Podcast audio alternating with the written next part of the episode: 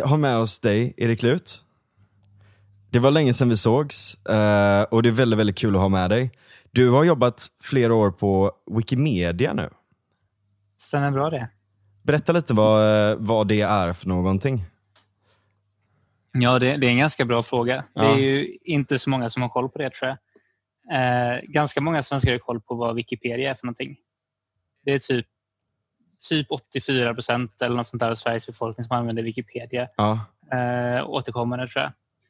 Eh, Wikipedia fyller 20 år i januari. ja, det gör det. Oj, jäklar.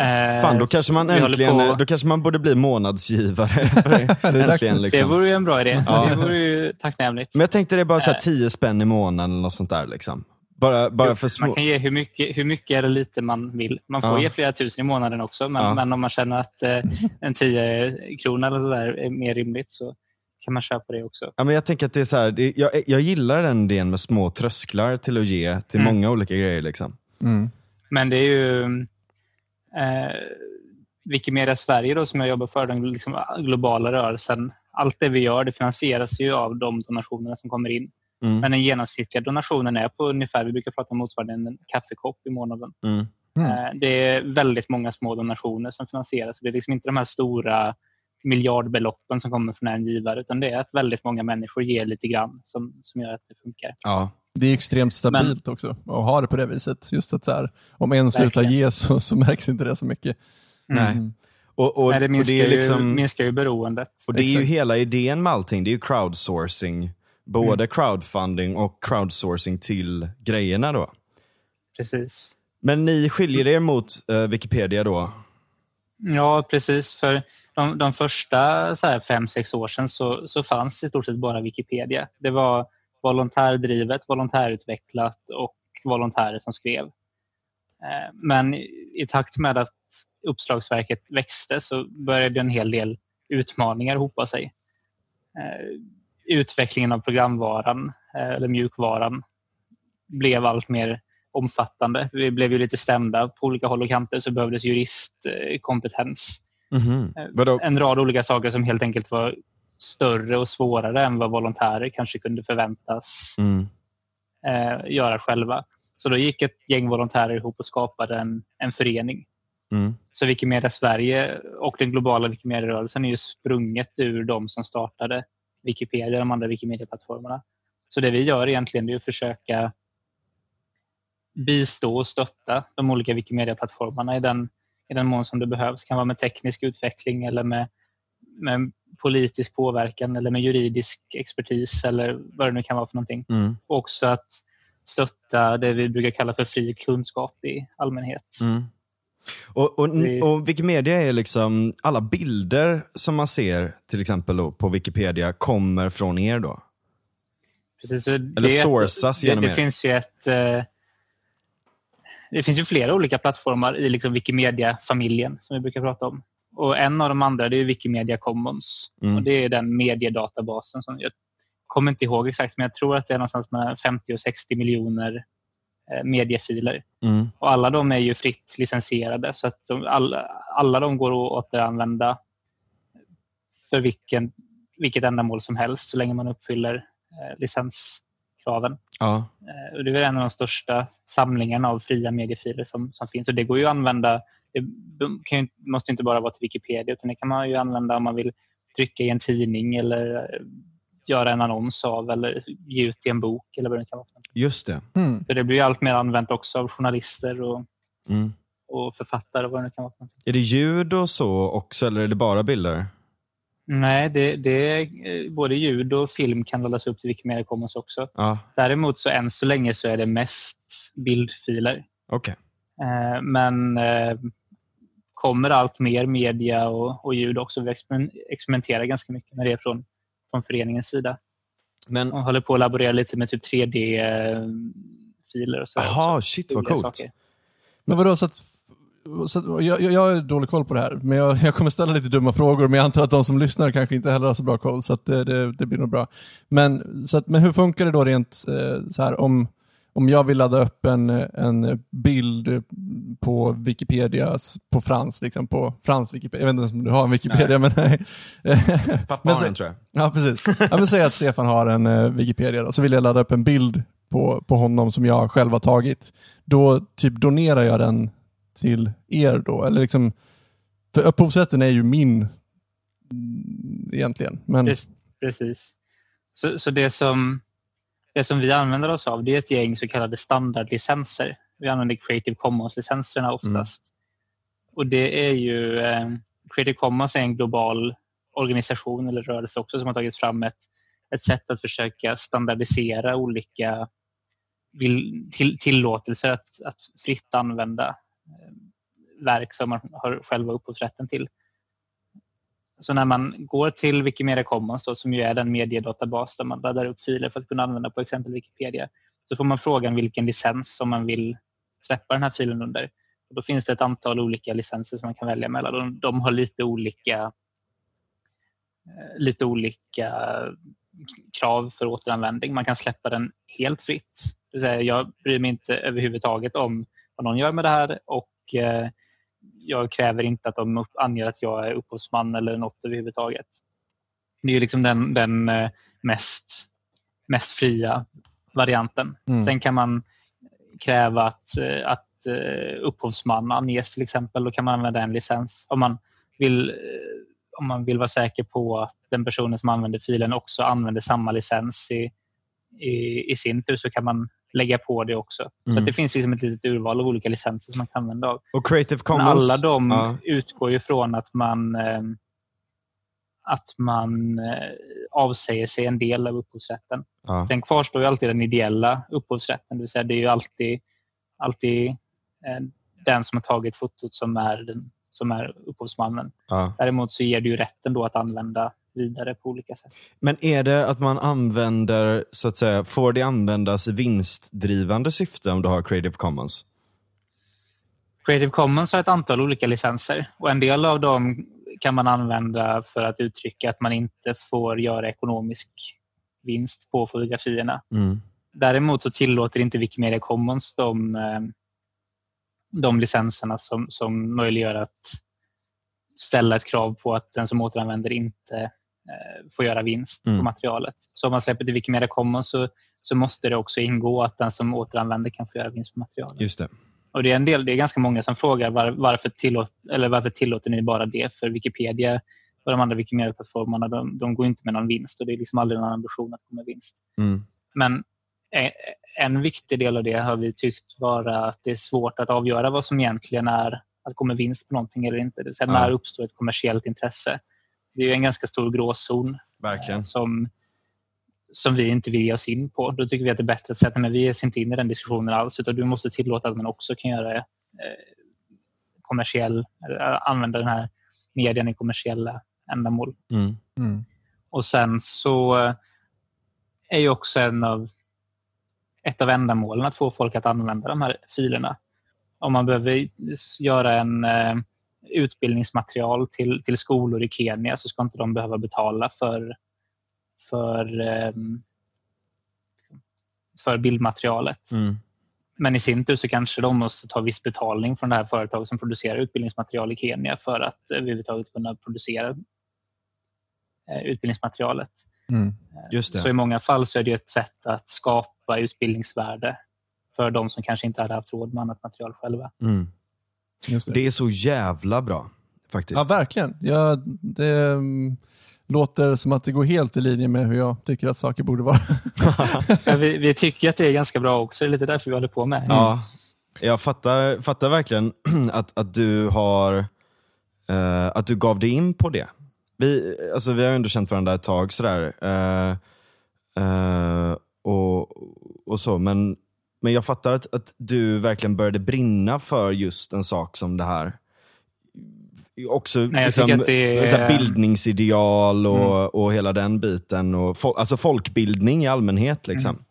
För Det här är ju någon form av, alltså den kanske mest kostnadseffektiva formen av folkbildning på sätt och vis. Att bara, alltså det är ju det första steget, den första tröskeln är ju att materialet ska finnas tillgängligt från första början. Ja, verkligen. Nej, och det, jag, jag skulle säga att Wikipedia som ju då fyller 20 år i januari är en av de absolut äldsta webbplatserna som fortfarande finns kvar och är stora. Ja. Mm. Eh, så med internetmått mätt så är det ju en gammal, Mm.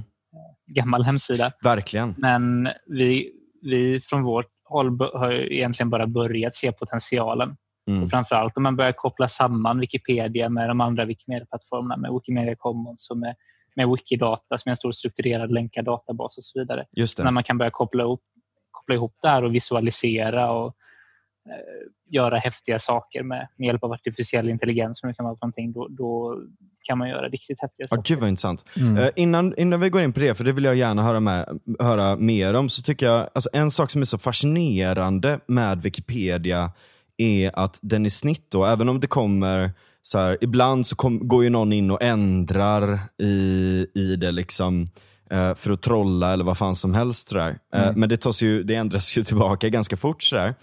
Eh, men vad jag har förstått så är Wikipedia mer uppdaterad och bättre uppdaterad till så att säga sanningen än vad nästan någon annan encyklopedi, en, encyklopedi svårt ord, är.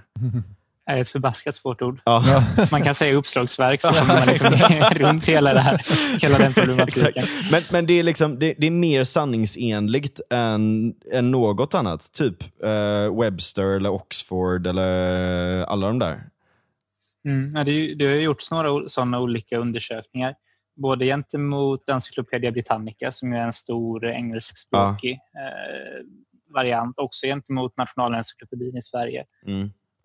Och De flesta av de undersökningarna så vitt jag vet har gått till på ungefär samma sätt. Alltså man har gjort ett urval med ett visst antal artiklar ur olika kategorier för att kunna fånga stora centrala artiklar, kanske mer perifera artiklar och så vidare Mm. Mm. och se någon form av snitt. Och Sen har man räknat fel helt enkelt som man upptäcker i de olika artiklarna. Ja. Och, och som du är inne på så Det låter som ett väldigt, väldigt stort jobb. Ja, det, det är nog ganska stort. Det är nog väldigt stort. I Encyclopedia Britannica så gjorde man nog det i ganska stor eh, skala också. Mm. Eh, Undersökningen gentemot Nationalencyklopedin var lite, lite mindre till sin omfattning. Mm. Men, men som du säger så förvånades nog undersökarna i, i all, alla fallen av att eh, Wikipedia stod sig så väl Ja. gentemot de traditionella encyklopedierna. Och det är ju... menar, Fördelen med till exempel Nationalencyklopedin är att det är en professionell eh, expert som liksom kan sätta sin kvalitetsstämpel på texten eh, och så får man in det i ett tryckt format som inte är föränderligt. Mm. Och Och då vet man att, att man, kan, man kan... Ansvarsutkrävande och sådär. Liksom. Ja, precis. Man, man, man, man tycker sig kunna garantera genom kvalitetsstämpeln från experten och från det tryckta formatet att det här är, det här är förmodligen sant. Ja. Men där uppstår ju också problemet för de tryckta encyklopedierna. Jag menar, ska du göra en... Jag kommer inte ihåg hur många, hur många böcker som ingår i den tryckta nation- nationalencyklopedin. Säg att det är 20, 20 böcker. Mm. I 20 böcker kommer det att eh, smyga sig in små fel. Mm. Även om det är en professor i eh, praktisk filosofi som skriver om moral så kommer det kunna smyga in sig ett litet fel om moral i den här texten. Mm. Mm. Just på grund av den oerhörda storleken och an- antalet texter som skrivs. Ja. Om du då dessutom gör det i tryckt format så kan du ju inte uppdatera när du kommer fram till att det faktiskt stod fel. Mm. Just det. Och Det är ju det är någonstans där som styrkan i Wikipedia uppkommer. Eh, därför att varje gång som någon upptäcker att det finns ett litet fel så kan man uppdatera också som eh, icke-expert. Och just eftersom eh, man förutsätter att folk kommer att besöka alla de olika artiklarna så kommer också en tillräckligt stor ström av, eh, av användare tillsammans se till att, att informationen hålls korrekt uppdaterad. Mm. Där är vi återigen inne på, på crowdsourcing-biten. Mm. Och Det var väl också det man kanske har sett i de här undersökningarna att Wikipedia står sig väl i de fall som man kan förvänta sig att många besöker artiklarna. Eh, fallgropen är väl lite grann om man är inne på ämnen och ämnesområden som ingen annan bryr sig om. Eh, då, då kan det vara lättare att det har smugit sig in något litet fel. Mm. Men det är väl också någonting där jag tycker att Wikipedia är ganska bra. Man är transparent med felen. Ja. Man, man kan ju ofta sätta på såna här, den här artikeln behöver fler källor eller den här artikeln är skriven ur ett eh, icke-globalt perspektiv eller den Mm. här artikeln eh, är inte neutral. Eller det där, Mm. Precis, det där är så jävla bra. Det är egentligen objektivitet på allvar. Liksom. Att man erkänner att objektivitet är svårt att uppnå i alla fall. Men att man kan ha en sån disclaimer. För att då har man ju på sig de glasögonen när man läser det. Mm. Ja, vi, har, vi har varit runt ganska mycket och pratat framförallt i skolor om hur man också kan använda Wikipedia till exempel för källkritik, för att lära ut källkritik i skolan. Mm. Jag, min, blir- jag minns det det- när jag var liten så var det så här, "Ja, man får inte använda Wikipedia som källa. Man, nu ska jag inte läsa på Wikipedia, åh har du det. fått det från Wikipedia eller?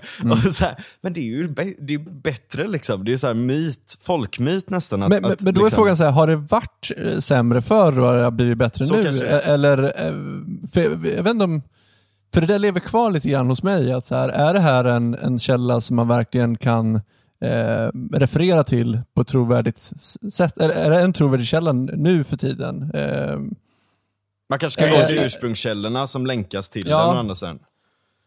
Jag, jag tror att det finns flera aspekter av den frågan. Det ena är väl att man kanske ska fundera på om man ska använda encyklopedier som källor överhuvudtaget. Mm. Det är ju fantastiskt om man sitter och funderar vid köksbordet kring en fråga och så har man nått till vägs ände i snillen spekulerar och vill veta vad svaret är. Då är det ju, då är det ju liksom det bästa som man kan ha. Eller om man löser korsord eller om man vill få en bred bild av, av, av ett ämne. Mm. Eh, om man skriver en vetenskaplig artikel så kanske man varken ska använda Nationalencyklopedin eller Wikipedia som, som källa i den artikeln just eftersom encyklopedier på grund av sin enorma storlek och mängd av samlad kunskap också kommer att ha fel. Mm. Så det är, väl, det är väl en del av det hela. Sen har ju Wikipedia absolut blivit bättre. Eh, Den, den första artikeln som skrevs på svenskspråkiga Wikipedia handlade om, eh, om svenska, alltså språket svenska. Mm. Och den skrevs ju inte direkt perfekt. Det första som, eh, första som kom in på svenska. Det var ju en väldigt kortfattad artikel som också in, lyckades innehålla några fel på typ tre meningar. Fan vad att det, ironiskt. det är liksom, man, man, man, man kan ju hitta de här äldsta ver- versionerna för att hela, hela historiken finns ju sparad. Ja. Mm. Där får man ju svart på vitt att, att artiklarna har blivit betydligt bättre. Ja. Sen tror jag också att folks inställning till internet har förändrats under de senaste 10 eller 15 åren. Mm. Och det är väl på både gott och ont. Jag upplever när man, när man gick i skolan att man ofta fick höra att så här, man kan inte lita på internet överhuvudtaget. Lita inte på det som står på internet. Mm. Framförallt av våra föräldragenerationer och över. Nu Verkligen. är det nästan tvärtom. Ja. Att Nu sitter de och litar på precis allting de ser på, på internet. Och eh, så sitter vi här och så här, typ försöker påminna dem om att så här, man kan faktiskt inte lita på allt som står på internet. Nej, Exakt. ja, det, är, det är väldigt sant. Det är väldigt sant alltså. Och, men, men där blir jag jävligt störd också för att det är väldigt många medier, alltså säg typ Aftonbladet och såna här halvseriösa men extremt vanliga medier. Som, ofta, som jag ofta tycker när jag läser dem är så här, vad fan håller du på med? Lägg ner. För att det är, det är dåligt. Men menar du rent faktamässigt eller eh, Ja. rent, alltså att det är mer o- Alltså, jag, jag, opinionsbildning? nu pratar jag inte om Aftonbladet Ledare, de är, de. De är fan en klass i sig i att missförstå eller misstolka eller bara Mm. felcitera saker och ting. Men, men alltså eh, bara rena rama nyhets, eh, nyhetsartiklar och sådär också. Mm. Kan jag tycka ibland är slappt gjort liksom. Men jag, jag tror att det, det är svårt att leva i den här informationsmängden som, som vi har runt omkring oss. Mm. Vi har information överallt konstant och det gäller ju ännu mer på, på internet där också allt fler lever allt större del av sina liv. Mm. Jag tror inte vi har lärt oss att, att hantera den, de, de mängderna av information. Vi vet Nej. inte riktigt hur vi ska navigera oss i det här Verkligen. i det här eh, informationslandskapet. Och Det är väl någonting som jag misstänker att folk kommer bli allt bättre på också när man, när man liksom har levt med det allt längre. Men Mm, där tror jag ja. också att Wikimedia-plattformarna kan spela en viktig funktion. Eh, Det man har sett är ju att liksom, mångfalden på internet blir ju allt mindre. När, när eh, ja, säg 15 år sedan så var det ganska många små plattformar och folk hängde i olika små forum och så vidare. Mm. Och nu koncentreras ju allting allt mer till de, de stora globala jätteplattformarna. Mm. Mm. Men å andra sidan så som har du ju snävar grupper... in liksom i, i, i, eh, i vissa grupper. Mm. Medan Wikimedia-plattformarna försöker länka till just ut till olika källor. Du ska kunna se ursprung, Mm. du ska kunna ta det vidare till, Just det. till eh, annan information. Så det blir ett sätt att länka samman den mångfald som ju faktiskt fortfarande finns på, på internet men som kanske är svår att upptäcka. Mm. Det är ett väldigt bra sätt att konkurrera just för att copyright blir ju liksom ofta att man låser in kunskap väldigt mycket för att du ska kunna sälja den kunskapen till, till folk och så vidare. Eh, vilket man kan ha åsikter om, eh, om, om, man verkligen, om det är ett bra sätt att, att lösa just eh, eh, immateriella, eh, immateriell information på. Eh, eh, men det blir ju så, så, så, jävla bra konkurrens då emot det. Att, att, man, att man försöker bygga upp någonting vid sidan av de här eh, ganska centraliserade informationsbärarna. Eh, Ja. som kan utmana dem i det. Att kanske tvinga dem på en ren konkurrensmässigt sätt att Mm. kanske öppna upp mer och tänka mer, tänka bredare. Liksom. Mm. Det är ju en jätte... Verkligen. Jag, jag, jag tror att, och det har ju vi eh, argumenterat mycket för i till exempel när vi arbetat med implementeringen av upphovsrättsdirektivet i Sverige, men också att, att vi som, eller Wikimedia-plattformarna, de bygger på att det finns en mångfald av aktörer på internet, att det finns olika, olika plattformar och att man måste värna internets mångfald. Mm. Vi kommer absolut att påverkas negativt om den mångfalden inskränks. Men jag är ganska övertygad om att också internetanvändaren kommer att påverkas negativt när det blir mindre mångfald på, Mm. Verkligen. på internet. Och där har väl både de stora globala plattformarna ett ansvar men också lagstiftaren. Mm. Mm. Kan du inte berätta mer om det arbetet? Jag är ju lite införstådd i det, men det är komplext. Mm. Nej, men det, det är komplext. Och det mm, Ganska många minns väl kanske de turer som var för eh, lite drygt ett och ett halvt år sedan med, Ja. när man skulle rösta igenom upphovsrättsdirektivet Artikel i 13, i- som sen blev artikel... eh, 15. ja. Mm. Eller Precis. all- 11 och 13 blev 15 och 17. Ja. Så man, man fick eh, bara de sista veckorna innan EU-valet Ja. 2019 fick man ju ändra, från, ändra siffror. Gjorde helt. de det för att förvilla? Eller var det...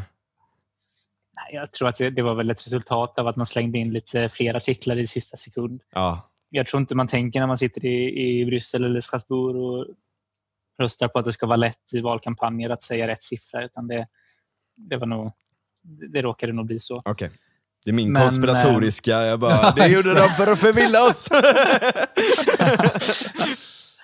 Ja, jag vet inte, nå- någon kanske tänkte så, men jag tror att i allmänhet så var det nog ett... Eh, man kanske inte ska prata om artikel 13 och 15, liksom, eller 15 och 17 om det heter, i, Nej. liksom, i, i Det fo- Folk kommer inte bry, bry sig om vilken siffra det är i alla. Nej. Men eh, sen dess har det pågått ett intensivt arbete som kanske inte media följt lika mycket. Men vi kan, in, innan, i, det, innan det ska vi säga så här, vad det handlade om då? Ja, vad, vad, vi- precis, vi kanske ska ta Ja. vad det är för någonting för, för de som inte kommer ihåg, eller de som inte har, har koll. Det är bra, bra, bra inpass. Eh, man kan väl säga att fr- från EU-håll så har ju den här digitala inre marknaden varit ett väldigt viktigt område som man har prioriterat mycket de Mm. senaste eh, x antal åren, senaste tio åren kanske. Det vill säga att man ska ha Anna- samma spelregler för alla på den digitala marknaden och sådär, över Precis. medlemsländerna. Och- liksom. Också en upplevelse av att man har lyckats binda samman EUs medlemsstater med, med varor, alltså Mm. i den sätt, fysiska världen. Men man har inte lyckats återskapa samma, samma värdeutbyte mellan EUs medlemsstater på internet. Mm. Och i, i den här, värld där allt mer av det vi gör sker på internet så är det såklart en, en brist. Mm. Så då, då identifierade man under Junckerkommissionen att alltså föregående kommissionens ordförande att man måste stärka den digitala inre marknaden. Och det var alla i stort sett överens om. Så att alla upplevde att, att eh, det här är ett eftersatt område. Och det finns Och ju ett problem där. Eh, Det finns ju ett problem där att om det inte är samma regler i, i, i alla olika länder, då om du är ett företag som, som är på den, alltså sk- ska lägga ut en produkt på marknaden i Europa eller något sånt där, då måste du i princip grotta ner dig i varje lands enskilda lagar och regler runt internet. Liksom. Mm. Så att det finns ju en god intention i att vilja ha ett system som är lätt att förstå så att många kan använda internet utan att behöva ha ett helt team av jurister för Mm. att försöka förstå de ofta extremt komplexa lagar och reglerna som finns i varje land. Liksom. Mm. Nej, så avsikten var väldigt bra och det, det tror jag inte att någon var oenig om. Däremot så upptäckte man ju efter ett tag att det fanns ett antal frågor som är väldigt svåra att lösa.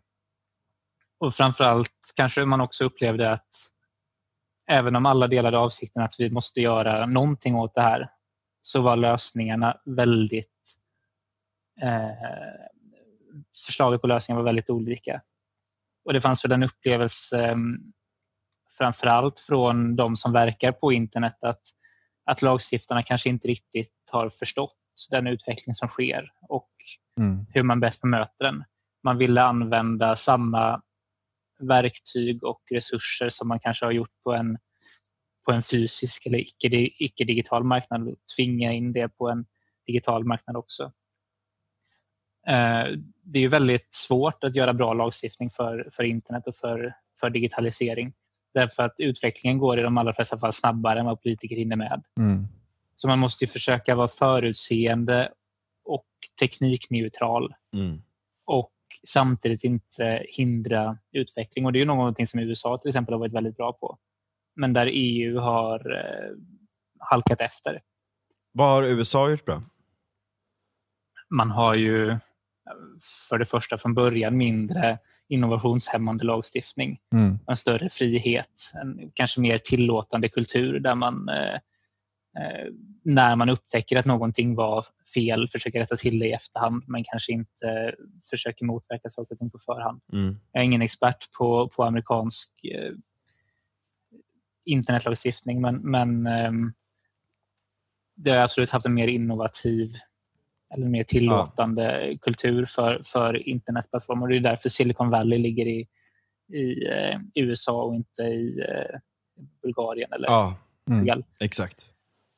Men eh, var, var var vi någonstans höll jag på att säga. Eh, Vi pratade om artikel 13, eller ja, eh, copyright. Ja. Ja, nej men, nej men man, man insåg att eh, man hade väldigt olika syn på hur man skulle lösa de här frågorna. Mm. Och kanske framförallt från vissa länder, typ Frankrike och, och några till, så hade man också en ganska eh, hur ska jag uttrycka det på, på någon form av neutralt vis? Det behöver du inte. Ehm, De jävla fransmännen! Ja, Did exakt. it again! Säg som, du, säg som det är. Precis. Jag, jag, har ju, jag har ju lite jo- jobbigt läge för jag tycker väldigt mycket om Frankrike på väldigt många olika vis. Jag Men, vet. men eh, i typ, den här typen av frågor så, så är de ju knepiga. Alltså. Ja. Konservativa, alltså kanske inte politiskt konservativa, men konservativa för utveckling. Man, man, man Mm. vill motverka utveckling för man tycker att utvecklingen i sig är, dålig. Och Typiskt dålig väldigt inställning. dominerad. Alltså, för, alltså, Typiskt dålig inställning. Ja. Nej, men, men Frankrike är ju ett, ett stort kulturland. Och Ja. Spanien har haft liknande åsikter. Och tyckt att det absolut viktigaste i det här är att värna kulturen. Mm. Och med för- kulturen så förstår man liksom en väldigt traditionell förståelse av kultur. Mm. Personer som, som sitter på tidskrifter och, och eh, i studior och, och så vidare och, och gör saker som man har gjort under 1900-talet och som skulle kunna tjäna pengar på samma vis. Ja, precis. Det finns ju den här slentrianmässiga grejen att man, man- man skämtar om liksom franska bönder och att E- EU är i princip en konstruktion för att ge franska bönder bidrag. Men det är inte de franska bönderna som är värst nästan, utan det är de franska konstnärerna. Liksom. Ja, och framförallt de som representerar de franska konstnärerna. Ja, exakt. Eh, där, där finns det, en väl, det finns en väldig rädsla för utveckling. Men det Mm. om, om man ska vara fair mot Frankrike, om jag bara får sticka in det, så är vi svenskar inte så jävla dåliga. Eller vi är ganska dåliga på den punkten också.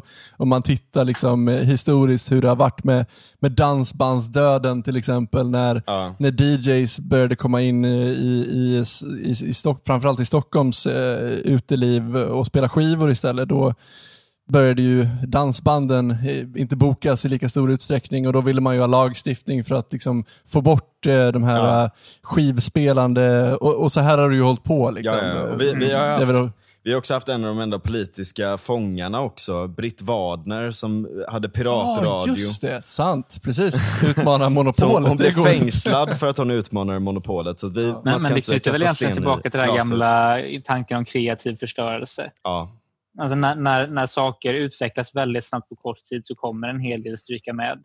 Mm. Och det är ju tragiskt. Alltså my, mycket, väldigt många goda saker stryker med när saker och ting ändras väldigt snabbt. mm. Men frågan då är ju vad man som lagstiftare och som samhälle ska erbjuda för lösning på det. Mm. Om man ska fortsätta att hålla en, en sektor, en industri som har väldigt stora problem under armarna för, för armarnas skull eller om Mm. man ska försöka finnas där och, och stötta, en, stötta En omställning. utvecklingen på ett sätt så att eh, de, de som liksom har förlorat också kan, kan liksom vara en del av det, det nya på något vis. Ja.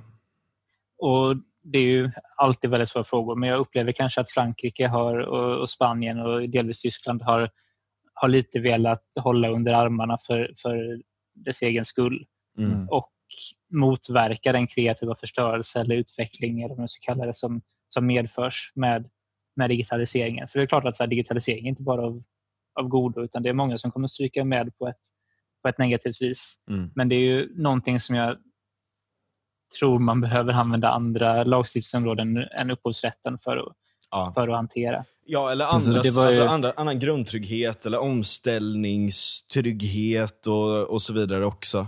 Mm. Och jag, jag är väl ingen expert på vad, vad som är liksom rätt, rätt sätt men det, det ledde ju fram till att två artiklar framförallt skrevs in i det här upphovsrättsdirektivet som där kanske framförallt stora medlemsländer verkligen försökte eh, värna den, den eh, sektor, kultursektor som har det svårt. Mm. Och dels så rör det sig om det som först var artikel 11 och sen blev artikel 13 och som populärt kallades för någon form av länkskatt, även om det kanske är en sanning med modifikation. Och den andra, artikel 13, som sen då blev 17, eh, om eh, det som man ofta brukar förstå som, som krav på online-filter, alltså filter på online-plattformar, Mm. uppladdningsfilter. Och ehm, man skulle kunna prata i många timmar om vad alla problemen egentligen Ja. med ja, vilka vi- problem som medförs av Mm. de två artikelförslagen. Artikel 11 eller 13, eller vad man ska kalla det, alltså den om, om eh, stöd till pressutgivare som jag tror att den heter egentligen. Eh, Men ja, länkskatt var som, sagt en sanning med modifikation. Problemet där är att man har ju tidigare infört liknande i Tyskland och Spanien och där man har sett att syftet fullkomligt har motverkats av, av lagstiftningen, den har varit kontraproduktiv. Mm. Det vill säga att Och de, det, det, det är lite det här då att om någon lägger upp någonting och länkar till en, eh, alltså om du till exempel eh, länkar till någonting på Facebook eller om Google länkar till någonting och så vidare. Och sådär, eh, då ska det betalas en liten summa till de som länkas till så att Precis, säga. så att om jag lägger upp en länk eh, på en vanlig GP-nyhet liksom på Facebook och skriver till mina Mm. Kompisar på Facebook, ja kolla här vad Håkan Boström har skrivit eh, i, Ja. idag. Då Eh, ska Facebook då ska betala- Facebook betala GP för att den eh, informationen finns på Facebook. Liksom. Det är så man Precis. har tänkt sig. Och, och sen, sen fanns det ett antal det finns ett antal undantag. Så dels ska det inte gälla rena hyperlänkar. Nej. Rena hyperlänkar ska fortfarande vara tillåtet enligt, enligt EUs upphovsrättslagstiftning och också ha miniatyrbilder förmodligen, även om det kommer kanske se lite varierande ut i Mm. olika länder. Så den stora knäckfrågan där är ju hur mycket text ska man få ha med i en sån här snippet eller textutdrag för att det ska anses vara, vara okej enligt upphovsrättslagstiftningen. Ja. Så att det, och det står ju också att privatpersoner aldrig ska, ska påverkas. Det ska vara den stora plattformen som... Och jag, alltså jag förstår återigen avsikten bakom, för man tycker att det är ett problem att, att liksom bra traditionell media har så svårt att få intäkter. Och, Mm. och, Ingen eh, klickar på artikeln, folk läser bara det som har citerats. Ja. Liksom. Precis, och, och Facebook och Google kanske har fått väldigt mycket pengar för arbete som, som tidningarna egentligen Ja. har, har gjort och så, och så vidare. Så att det, det finns absolut ett, ett problem här som är reellt. Mm. Men eh, Man går lite för långt. Det är väl det som är problemet. Ja, jag tror kanske återigen att, att lösningen inte är den bästa. Det är liksom inte en, ehm, en upphovsrättslig metod som jag tror är bästa sättet att komma åt det här. Och det syntes ju, menar, när, när, det här genomfördes i Frankrike som första land så gick Google ut och sa att men fine, då slutar vi länka till alla som, eh, till alla som eh, inte går med på det. Mm. Så att de, de som vill och accepterar att vi länkar till dem, de kommer vi fortsätta göra det och alla andra kommer vi ta bort ur, Mm. ur alla sökträffar. Och medier i Frankrike blev ju topptunnor och så här, det här var inte avsikten med lagstiftningen och så här får det inte gå till. Tanken var ju att ni skulle betala till oss. Nu Ja. har eh, typ media dragit eh, Google inför rätta i Frankrike för att de menar att de inte följer EUs Ja. Och lagstiftning. de står ju förlorade ingenting om va? att man inte får det, det står ingenting om att man inte får göra på, på det viset. Utan det, det är ju liksom Googles rätt att helt enkelt inte... Jag menar, Google är ett företag. De, de, de, de har ju ingen typ, lagkrav på att visa precis vad som helst i sökträffarna. Utan om de Nej, inte får pengar för det så vill inte de göra det. Nej. Eller Så tvärtom, om återigen är de måste tecken på betala att man har velat använda väldigt traditionella verktyg för att motverka någonting som inte är så traditionellt. Mm. Och verktygen fungerar inte. Och det är så symptomatiskt, alltså, det, det, är så ty, det, är så, det är så typiskt liksom att man, så här, man har en god tanke med lagstiftning, för det är en god tanke precis som du säger, att man så här, eh, tidningsutgivarna går på knäna, de behöver få eh, betalt för sitt jobb på något vis, tänker man. Och då tänker man att, ah, okej, men om vi lagstiftar, då kommer allting lösa sig. Och så blir det helt, eh, liksom, som ingen vill ha det, som ingen tjänar på. Verkligen. Varken, varken tidningsutgivarna tjänar på det för att de syns inte. Eh, folk får inte den informationen till sig lika lätt. Eh, man kan inte kommunicera den informationen lika lätt. Eh, alltså alla förlorar på det. Så det är liksom bara så här, det kanske inte är en bra idé. Det kanske inte är en bra lösning på det problemet. Nej, precis. Nej, det, det um, håller jag verkligen med om. Och ett ännu större problem än, än de här läggskatterna, eller vad man ska kalla det, det, tycker jag är artikel 17, det här kravet på uppladdningsfilter. Mm. För att där är ju eh, direktivtexten direkt motsägelsefull. Alltså den säger emot sig själv. Mm. Berätta. Och, eh, grund, grundidén är att på de stora onlineplattformarna så finns det en väldigt stor andel material som inte borde finnas där. Alltså upphovsrättsskyddat material som felaktigt används på onlineplattformar och som gener- genererar vinst till, till de stora plattformarna. Ta YouTube som exempel är väl ganska bra. Eh, Youtube som exempel. Och precis det, det är ju Youtube och Facebook och, och Twitter och så vidare som man vill Mm. komma åt. Och där är ju liksom det bisarra då, innan vi går in exakt på, på det, så YouTube har ju alltså en självreglering redan i dagens läge som har varit helt jävla galen. Det vill säga att om du, det har varit fall där man till och med har nynnat på en låt. Säg na na na na na na na. Det är så här Mr Beast, en vanlig, eh, eller väldigt stor eh, youtuber som bara så här, hela hans grej är typ att han, väldigt så goodwill verkligen. Han, eh, han, alla annonspengar, han har så här, eh, ads i sina filmer som han spelar in själv och sådär. Så annonspengarna från YouTube tar han själv. Alla, annons, alla annonser som han gör i sina videos donerar han till olika folk eller olika, gör olika grejer. Så det är så här, bra snubbe liksom. Eh, och, och, och någonstans i det här då så har någon nynnat på den här eh, 99, 99-ish eh, luftballon. Eh, inte bra på tyska. Men, ja. Eh, så någon har nynnat några sekunder på den. Och då får alltså de som äger copyrighten till den låten intäkterna från hela det avsnittet. För att de bara har nynnat på det och det har varit en AI som har märkt då att här har du de här tonerna som liknar våran låt och det är våran låt så fuck you liksom. För att, för att göra folk ännu mer provocerade så kan jag ju säga det att eh, Warner Music, eh, en av världens största skivbolag, eh, ägde, eller de, de, jag vet inte riktigt hur de lyckades med det, här, men, men de tog sig eh, att äga eh, låten Happy Birthday. Ja. Så att om du la upp ett klipp där du sjunger för, alltså så här, det kan vara alltså vem som helst som lägger upp ett klipp. Nu ska jag visa när jag, när jag liksom kommer in med, med frukost på sängen till Frans när han fyller år och så sjunger jag Happy Birthday. Eh, då är det Warner Music som äger copyrighten till den låten som jag sjunger där och Ja. då. En låt som man tycker ändå så här är common. eh, ja, då har, liksom så här, då har då har vi gått in och bara så här, nej men den här, är- just den här låten, den äger faktiskt vi, så att vi, eh, för det första så, så kanske YouTube måste ta ner den i sådana Ja. fall, eftersom det, de äger copyrighten. Det är liksom likvärdigt med om jag skulle ladda upp Mm. en låt som är släppt av någon som är signad på Warner. Eh, Eller liksom, ja, det, du, folk kan fantisera själva, det är bara helt jävla bisarrt. Ja. Liksom. Ja, ja visst. Och, och, och där är den grejen då också att det kan vara antingen små delar av låtar, eh, eller det kan vara eh, bilder, eller det kan vara andra saker, eller videoklipp eller såna här saker.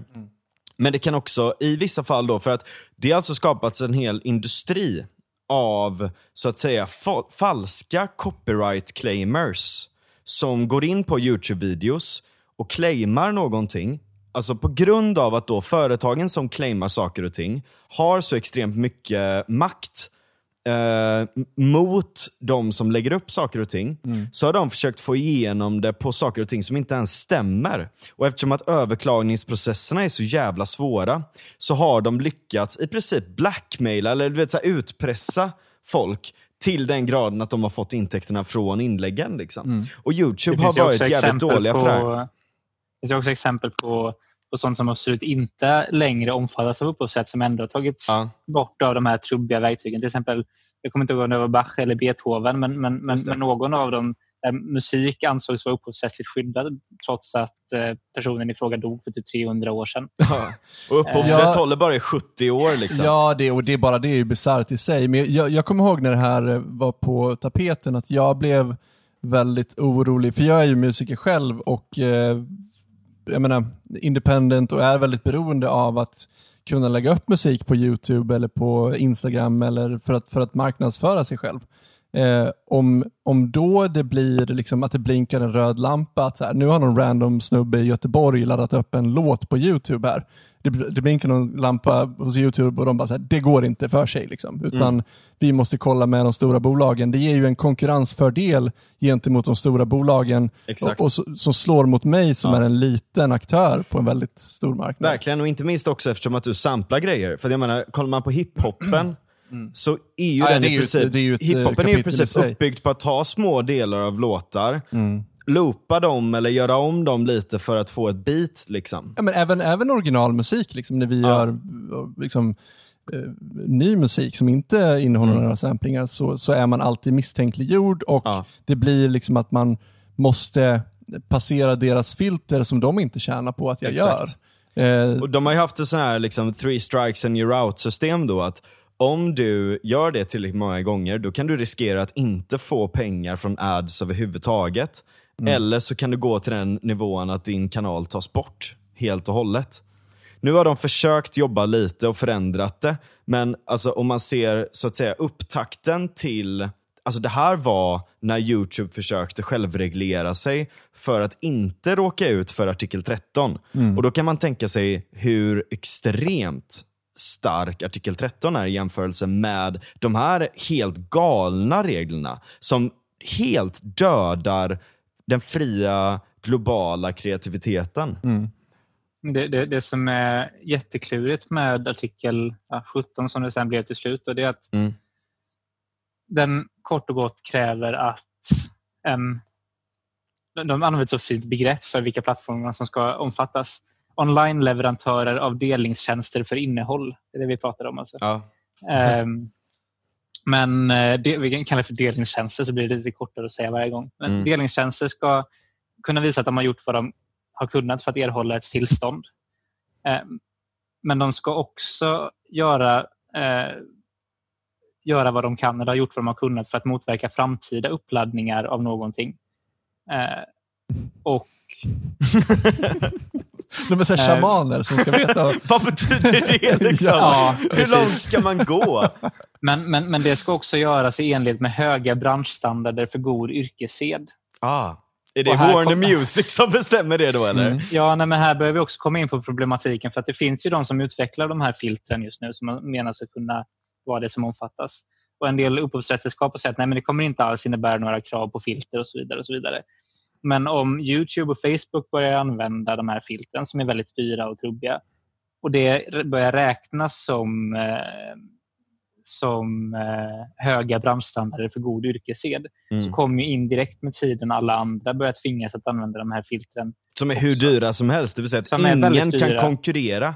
Exakt. Och, och här bör, bör jag verkligen komma in på varför jag menar att det här kommer motverka mångfalden på internet. Därför att det kommer bara vara de stora plattformarna som kommer ha råd och möjlighet att göra det här. Mm. Mm. Och Kommissionen har sagt att nej, men det här ska gynna mångfalden på internet och det här ska göra att eh, vi liksom motverkar de stora plattformarna. Men det är ju bara de stora plattformarna som kommer ha möjlighet att göra det här.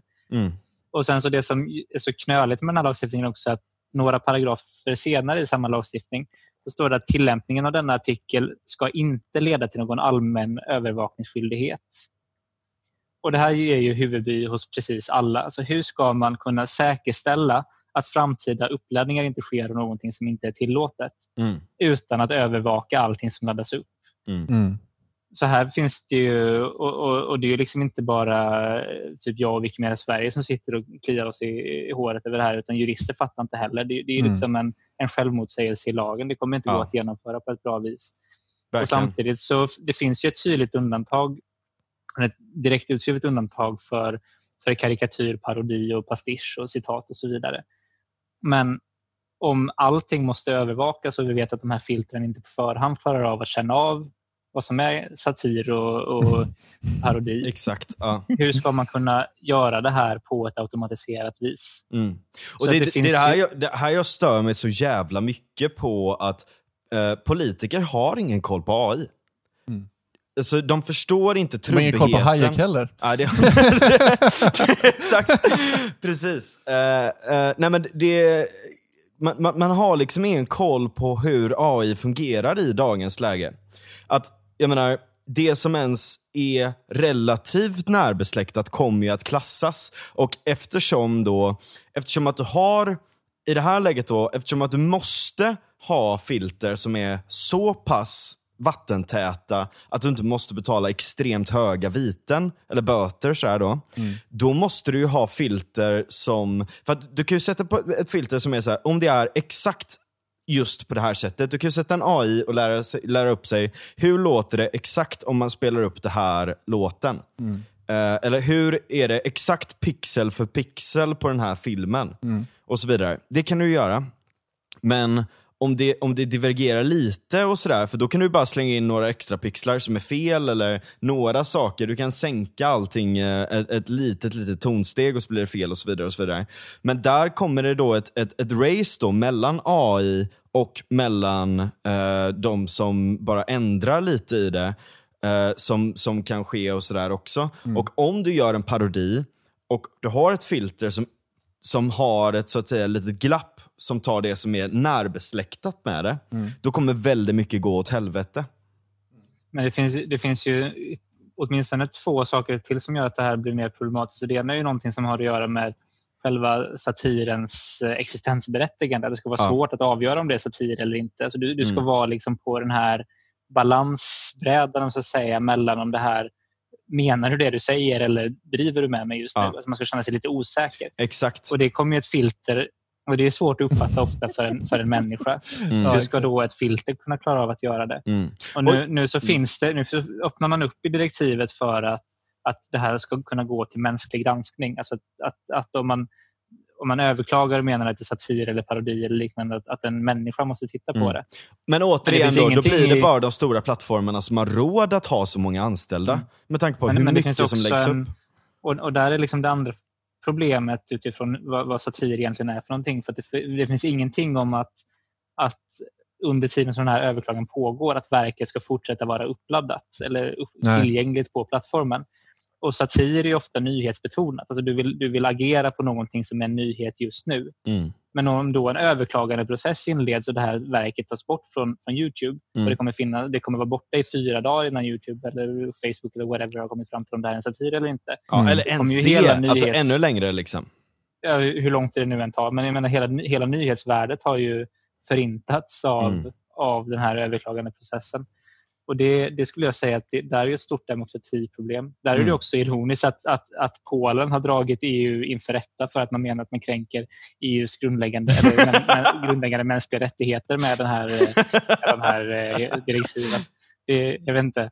Jag tror Ja, på vilket sätt hade då? inte ens kunnat komma på en bättre roman. Det är ju jättespännande. Men, Ja. men, men jag tänker också att så här, det, det, det sätter ju också eh, logik ur spel, för det första. Ja. Och liksom, eh, eh, någon sorts juridisk eh, grundprincip om att du är oskyldig tills motsatsen är bevisat. Nu, Mm. nu blir du liksom skyldig tills du har bevisat, bevisat att du inte är skyldig. Mm. Och det är ju jätteproblematiskt. Det är ju som att du slängs i fängelse tills du har bevisat att du inte Exakt. har gjort brottet. Ja.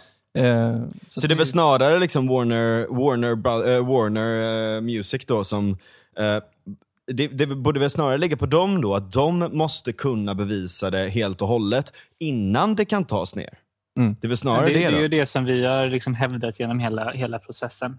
Också Ja, vad bra. demokratins skull. Nej, men det, det, som du var inne på Daniel, så är det ju just den här, det vi har kallat för risken för överblockering som är ett stort problem också. Att man Mm. hela tiden för säkerhets skull tar lite, lite mer, eller låter filtren vara lite, lite mer effektiva. Ja. Och, och Då blir det ju hela tiden allt fler de här gråskalorna som, som motas bort. Och direktivet förvisso ännu mer eh, den departementspromemoria, som, eller förberedande texterna inför depart- departementspromemorian i Sverige som har man varit inne på att det får liksom inte leda till det. Men det finns inga garantier för hur man ska undvika det. Nej. Och det, det här är ju extremt snårig lagstiftning. Jag vet inte riktigt hur det ska kunna bli lag, lag av det överhuvudtaget. Nej. Men här är vi ju inne på liksom det som är de stora problemen. Nej, Jag skulle vilja säga kort bara ja. Ja, Att, att jag, jag tycker att mycket fokus har varit på ar- artikel 15 och 17. Mm. De flesta andra artiklar är bra och nödvändiga. Alltså väldigt mycket kommer bli väldigt bra med det här, liksom när Mm. det här direktivet väl blir svensk lag. Men 15 och 17 är väldigt stora problem. Ja. Och det, man har pratat väldigt lite om de andra artiklarna. Eh, Jag tänker inte gå igenom dem en, efter en, för då, då, då kan vi hålla på till imorgon bitti någon gång. Ja. Men, men det, det är viktigt att säga det bara, att det, det är mycket bra, men artikel 15 och 17 Mm. är väldigt problematiska. Jag tycker en det som- fascinerande, eh, eller förlåt, säg, säg klart. Nej, jag skulle bara säga också, för, för det här röstades ju igenom på EU-nivå i maj tror jag, 2019. Mm. Sen inleddes en period på två år för alla medlemsländer att genomföra det här i nationella lagstiftningar. Mm. Eh, Men en, en del av artikel 17 är att man in, eh, det finns en paragraf som säger att man ska ha konsultationer med medlemsländer och, och civilsamhällesorganisationer Mm. för att komma fram till hur det här ska genomföras i, i Ja. nationell lagstiftning. Mm. Och den har dragit ut på tiden för man har liksom inte kunnat se hur man ska genomföra det här i nationell lagstiftning Nej. typ alls. Så att de riktlinjerna har fortfarande inte kommit från, från EU-kommissionen. Mm. Och då är vi inne på att det är mindre än, än ett halvår kvar till det här ska vara genomfört i, Ja. i Mm. nationell lagstiftning. Och, och, jag kan Så- tänka mig att alla, alla organisationer, förutom de som har intressen för att det ska vara så jävla hårt som bara möjligt, för att de vill ha exakt som det var på den gamla goda tiden när Ja, de fick exakt. sälja CD-skivor. Liksom. Mm. Alltså, att alla eh, sätt, liksom, ställer sig till, i protest mot det här. Men, och, och justitiedepartementet har också öppet erkänt att, att de tror inte att Sverige kommer kunna genomföra den här lagstiftningen i, i tid enligt vad som står i EU-direktivet för att EU-kommissionen inte kommer med sina riktlinjer om hur det här ska genomföras i Nej. nationell lagstiftning. Och Det ska ju mycket till för att Sverige inte genomför lagstiftning i tid. Mm. Eh, och Det här pekar väl någonstans på hur oerhört svårt det här kommer att bli. Hur vanligt det- det är det? Hur vanligt Ja, är det att jag- sånt drar ut på tiden så mycket? Så som den här eh, lagstiftningen har, alltså hur genomförandeprocessen har gått till, det har nog aldrig hänt förut tror jag inte. Det är första gången. Men det, det är ju också eftersom att framförallt artikel 17 bygger Mm. på en inneboende självmotsägelse. Jag hur vill- genomför jag man vill en bara- självmotsägelse i lag? Jag vill bara tillägga en sån sak där också, hur kontraproduktivt det är, inte minst för musikbranschen. Mm. Att Uh, ta en sån sak som uh, alltså det, eh, liksom Vines, eller TikToks, eller tweets, eller vad fan som helst, eller YouTube-videos eller sånt där, som har lite Alltså om, om det är ett bildmaterial som är helt skilt från låten i sig, men man använder låten för att förstärka bildmaterialet på ett sätt där liksom, ja, men du, har liksom, du gör någon cool, eh, eller du vet så här, någon töntig dans på TikTok, eller du gör liksom någon sån här jävla trick på eh, YouTube, eller vad fan som helst. Liksom. Alltså du har, något så här, du har något bildmaterial som tilltalar väldigt, väldigt många människor, och så lägger du på en låt på det. Det är egentligen det bästa möjliga sättet någonsin att göra den låten extremt populär. Och viral. Ehm, och det, det är ju inte så att du går in på det klippet för att lyssna på låten. Nej, Du, nej. du går in på klippet för att se videomaterialet och låten förstärker videomaterialet. Och så blir det, fan men det var en jävligt bra låt, jag vill kolla upp den. Och då kollar du, då går du in på din eh, streaming, det är ingen som laddar ner låtar nästan längre. Och det är framförallt ingen som har bandat det på en jävla kassett, trots att vi fortfarande har en kassettskatt. för att folk inte ska banda in på kassett. Ja, jag vet. Eh, Ja. alltså jag, nej, du vet, man blir helt galen när man pratar om de här grejerna. Eller, och, och du har liksom till och med så här, eh, det är inte bara det att du har en kassettskatt, du har alltså en lagringsskatt på eh, för alla gigabyte på din hårddisk så måste du beskatta för att du potentiellt sett kan fylla din hårddisk med nedladdade låtar Ja, också. och sen ska vi kunna Ja. ta det också, som, som DJ är det ju extremt svårt att eh, Ja. navigera överhuvudtaget rent juridiskt. Ja, hur, hur, du ska, hur du ska göra. Och och det är, alltså bara för att nämna en liten grej så är det ju liksom i Sverige, spelar du ett gig som, som, som eh, ett band till exempel, så är det ju en helt annan momsats bara än Ja. om du är en DJ. Ja, ja visst. Det är Eh, ett snårigt system alltså- som fan alltså. Där har vi kulturpolitik på riktigt, att försöka Ja. styra upp den här skiten. Ja, Men, men min poäng är att man är inte bara självmotsägande i ett snårigt system man försöker implementera. Man är också väldigt kontraproduktiv mot sina egna intressen. Och jag förstår ärligt talat inte hur de här stora skivbolagen inte förstår det. Att de förstör för sig själva liksom. Men det är väl finns en det att de... spännande, Ja. Det finns en del spännande forskning just på det temat. Hur, hur framförallt de stora upphovsrättssällskapen men också eh, immaterialrättsjurister försöker... Eh, alltså hur, de har någon form av, vad man kalla det, strukturellt feltänk kanske. Ja. Eh, att de eh, hela tiden försöker överbeskydda eller skydda mer och mer av, av liksom det offentliga rummet på internet. Mm. Och att det i sin tur leder till, jag tror de- det har kallats i olika, eh, olika sammanhang någon form av upphovsrättslig flykt. Alltså Mm. man hela tiden tvingar man, man tvingar fram en innovation som för det längre och längre bort ifrån det man egentligen från början hade tänkt sig Ja. man, man kan, jag vet inte om man skulle kunna exemplifiera det som typ att först så spelade man, först var musik någonting som man gjorde framförallt som live-framträdanden och sen kom, kom möjligheten att, att liksom fästa de här framträdandena på, på diskar, att man kunde börja utveckla CD-skivor och så vidare. Mm. Och sen har liksom utvecklingen lett till bättre och bättre CD-skivor, från LP-skivor till CD-skivor. Eh, men i- med liksom den dig- digitala processen så har man kunnat, så liksom ledde det fram till Pirate Bay och, och, Mm. och liknande. Där måste jag, en Eh, sån jävla det intressant led- anekdot om till- Pirate Bay. Sorry? En intressant par, äh, äh, anekdot om Pirate Bay där. Han, äh, Peter Sunde tror jag han heter. Ja. Han blev ju, det var ju han som åkte på den stora smällen där i Pirate Bay.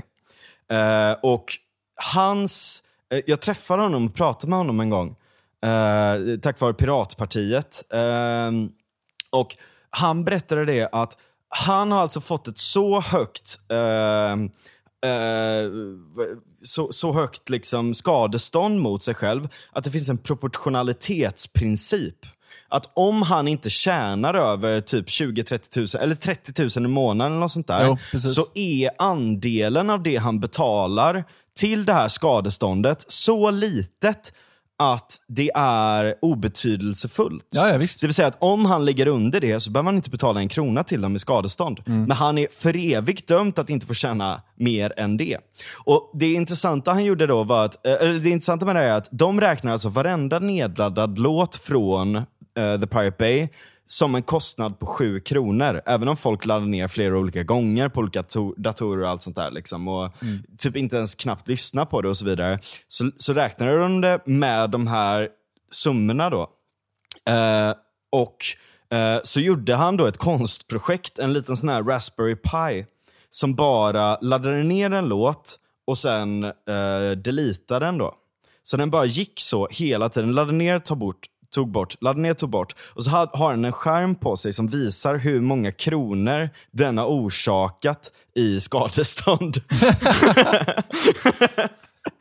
Men det, det, det, som var viktigt med att poängtera kanske med min lilla li, lite förvirrande uppräkning, det var väl att liksom hela tiden så kombinationen av teknisk utveckling och icke-fungerande lagstiftning innebär att man hela tiden utvecklar nya sätt att försöka förmedla musik på. Ja. Men de nya sätten att förmedla musik på innebär allt mindre intäkter till, till de som gör musiken. Mm.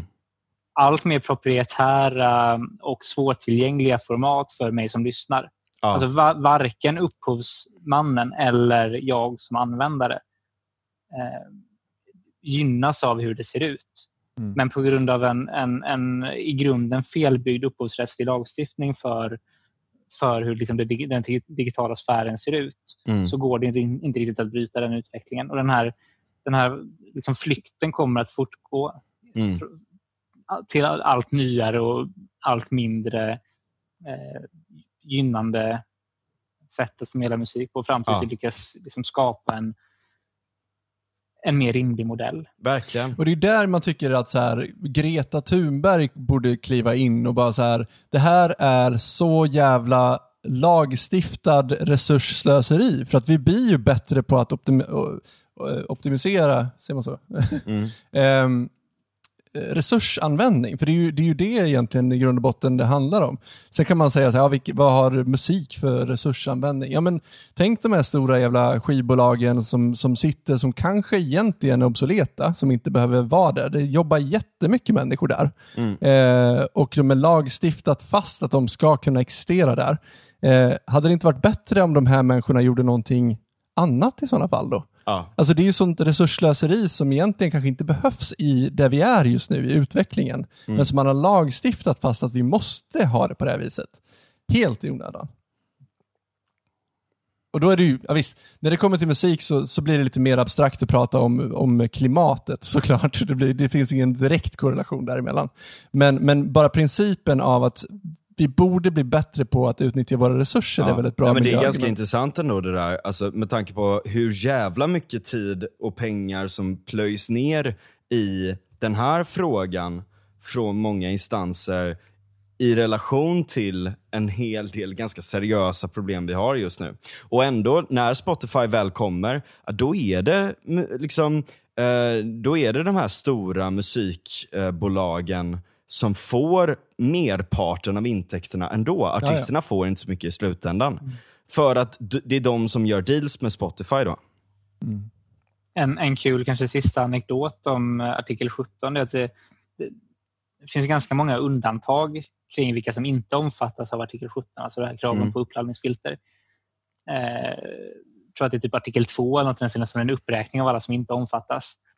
Så vi satte oss ner tillsammans med justitiedepartementet och några till och frågade vil- vilka omfattas egentligen? Alltså vilka i Sverige baserade plattformar omfattas av den här lagstiftningen? Mm. Och så blir det ganska tyst. Så försökte folk tänka. Så här, Facebook är ju inte en svensk plattform, den är inte baserad i Sverige. Eh, Google är inte en svensk plattform, inte baserad i Sverige. Spotify har ju varit en svensk plattform men är inte längre baserad i Sverige. Mm. Ehm, och sen efter ett tag så blir det ganska tyst. Så att än så länge så deltar inte en enda delningstjänst i det svenska genomförandet av upphovsrättsdirektivet som faktiskt kommer att omfattas av den lagstiftning som röstas igenom Ah. i Sverige. Shit. Det Så om det är någon lyssnare som har ett exempel på en, på en delningstjänst som är baserad i Sverige som omfattas av den här lagstiftningen så får man gärna höra av sig för att det, det är ingen som vet. Nej. Mm. Men hur har arbetet gått? Arbetet har gått... Det har varit en väldigt annorlunda process jämfört med hur det brukar som sagt. Och Det är Mm. väl för att man insåg att det här är en svår lagstiftning, det är en uppmärksammad lagstiftning. Så direkt efter att det röstades igenom egentligen i, eh, i Bryssel så sammankallade justitiedepartementet, som är ansvarigt departement, en, en, en grupp för att delta i eh, framtagandet av en departementspromemoria. Vanligtvis så brukar ju ett departement lämna en promemoria eller komma fram med liksom ett, eh, ett lagförslag och sen går det på remiss. Men nu har man bjudit in till att samla in synpunkter redan innan man har kommit med sin departementspromemoria. Mm. Eh, För att de har ingen koll. De vet inte hur de ska göra. liksom. Nej, det är ungefär så. Man har velat bjuda in för att förstå hur det här ens ska kunna genomföras. Och Det har pågått i ungefär eh, eller ja, i lite drygt ett år. Och sen nu då så skulle departementspromemorian ha kommit innan sommaren. Mm. Men på grund av lite covid tror jag, och eh, ganska mycket EU-kommissionen som misslyckas med att göra klart i tid så har heller inte departementspromemorian kommit än. Mm. Nu är det nu är nyaste, nyaste budet att det ska komma någon gång efter jul. Men vi får, vi får se. Ja, Ah, shit, vilken jävla mess alltså. Mm. En, en, annan sån aspekt med, med, hela den här grejen, eh, jag vet att Patrik Krasén skrev om det här. Uh, och jag tror att jag kanske skrev en artikel om det, jag minns inte. Men uh, just det här om, vad heter det, um, data mining och sådär. att det, um, alltså data mining är i princip att du går i Eh, Eh, det, det, är AI som behandlar väldigt stora mängder information som kanske är gamla forskningsartiklar eh, eller data från eh, internet eh, eller data från massa olika håll. Då. Och Där är det ju jävligt knepigt med copyright. Då, för att Absolut, det finns ju en copyright på allt det här, men det som du skapar med data mining är ju en så att säga aggregerad samling av allting. Så det är inte så att du snor någons copyright per se, utan du, du samlar eh, eh, en väldigt stor grej för att få eh, ett makroperspektiv på någonting. Alltså ett, ett, ett liksom överhängande perspektiv på hur saker och ting ser ut och hur saker och ting funkar och vad olika trender är i, i forskning till exempel och så vidare. och så vidare. Och Där var ju ett väldigt stort problem med de här eh, grejerna då att de enda som fick tillgång till att göra sådana här analyser var i princip vissa forskningsinstitut vid universitet. Och inte då privata instanser och så vidare och så vidare som hade kunnat revolutionera. För vi har ju så fruktansvärt många arkiv, vi har så mycket data som bara ligger samlad och inte görs någonting utav. Som kan få extrem nytta om man försöker bearbeta den med artificiell intelligens. Men allt det förstörs ju för att du har extrema restriktioner till hur du får använda saker och ting. Mm. Nej, verkligen. Och det är väl det, det är två artiklar som har diskuterats väldigt lite i svenskt perspektiv. Just mm. om text och datautvinning. Artikel 3 och artikel 4. Mm. Och den är väl ganska bra, alltså artikel 3, för forskningsändamål. Mm. Man har väldigt få restriktioner angående detta om man, om man är en forskare eller en forskningsinstitution. Mm. I artikel 4 så öppnar man också upp för viss text och datautvinning för eh, alltså icke-forskningsinstitutioner, om man ska kalla det för någonting, även kommersiella ändamål. Eh, men det är i, i betydligt lägre grad. Mm. Och Den stora problemen egentligen med alla alla de saker som jag tidigare hävdade var bra i det här upphovsrättsdirektivet är att ja, det är bra för att det är på rätt väg. Mm. Men det är, ehm, det är inte tillräckligt. Det största problemet skulle jag säga är bristen på harmonisering. Ah. Man, man, man tillåter eller öppnar upp för vissa lägsta nivåer. Men man kommer inte lösa det som du var inne på Frans tidigare, det, det stora problemet att, att det finns väldigt många olika nationella särlösningar. Det kommer mm. inte direktivet på det här området att, att, eh, att, eh, lösa utan det kommer fortsatt vara olika regler och krav beroende på vilket land du befinner dig i. Där hade jag verkligen önskat en högre grad av harmonisering mellan EUs medlemsstater men jag, jag tror inte man vågade. Nej. Och där kan jag tänka mig också, det kopplar lite till det som, som vi inte pratar om, eller som, som jag ville då prata om, om senare då, också med, med er verksamhet väldigt mycket. Med förmågan till exempel, eh, du pratar om AI-lösningar för att aggregera information och bygga någonting större eller en mer liksom, sammanfattad, kanske liksom, äh, ja, jag, jag vet inte exakt äh, vad ni gör där, men koppla det till det kanske och vad är det? Så vi just nu så skulle jag säga att vi experimenterar ganska mycket. Mm. Vi eh, försöker se vad, vad olika tekniska verktyg och hjälpmedel kan göra för att berika eller utveckla eller fördjupa det vi redan håller på med. Eh, det allra tydligaste exemplet på saker som vi gör med artificiell intelligens just nu, apropå en, eh, en talsyntes som vi håller på att ta fram som heter Wikispeech. Där tanken är att eh, Wikipedia ska kunna börja läsa artiklarna istället för att, att man ska behöva läsa dem själv. Mm. Och Det har ju en, en direkt väldigt stor betydelse för typ blinda personer eller personer Verkligen. i Uganda eller Indien eller vad nu är som kanske är analfabeter som inte kan läsa överhuvudtaget men som har Ja. en telefon som man kan få det uppläst i. Men man kan också tänka sig på sikt, har funderat på, ska ska man göra en så här, ladda ner ljud, eh, liksom filsversion så kan man eh, springa på löpbandet och lyssna på en Wikipedia-artikel Ja. Just. eller liknande. Men de flesta talsynteser idag är bra på kort information. Mm. Alltså de är bra på att läsa upp en Facebook-status eller en nyhetsrubrik eller vad Mm. det är för någonting. Medan en del Wikipedia-artiklar framförallt kan vara väldigt långa. Mm. Så då experimenterar vi hur vi kan använda artificiell, artificiell intelligens för att lära talsyntesen att läsa, läsa långa texter på ett sätt som fortfarande håller intresset uppe hos, Ja. eh, hos åhöraren. Och inte bli monotont och så här, ja. Precis, för, för det är ofta talsynteser bygger på naturliga röster men de blir lätt robo- robotiserade Ja. eh, på grund av liksom hur de är uppbyggda. Och det, lite av det robotiserade kommer nog vara väldigt svårt att, eh, att komma bort ifrån. Men tanken Mm. är att, i alla fall grundtanken att använda artificiell intelligens för att göra läsningen mer behaglig för långa texter. Mm. Och det, det är ju det första Använder vi, ni eh, GANS då eller? Alltså General Adversary, ad, adversarial, äh, adversarial Networks. Några Det- glas vin in och försöker säga komplexa termer här. General den- Adversarial Networks. den Adversarial. frågan får jag nog passa vidare till mina kollegor som är eh, Ja. som är de som verkligen fattar hur det här funkar i, i praktiken.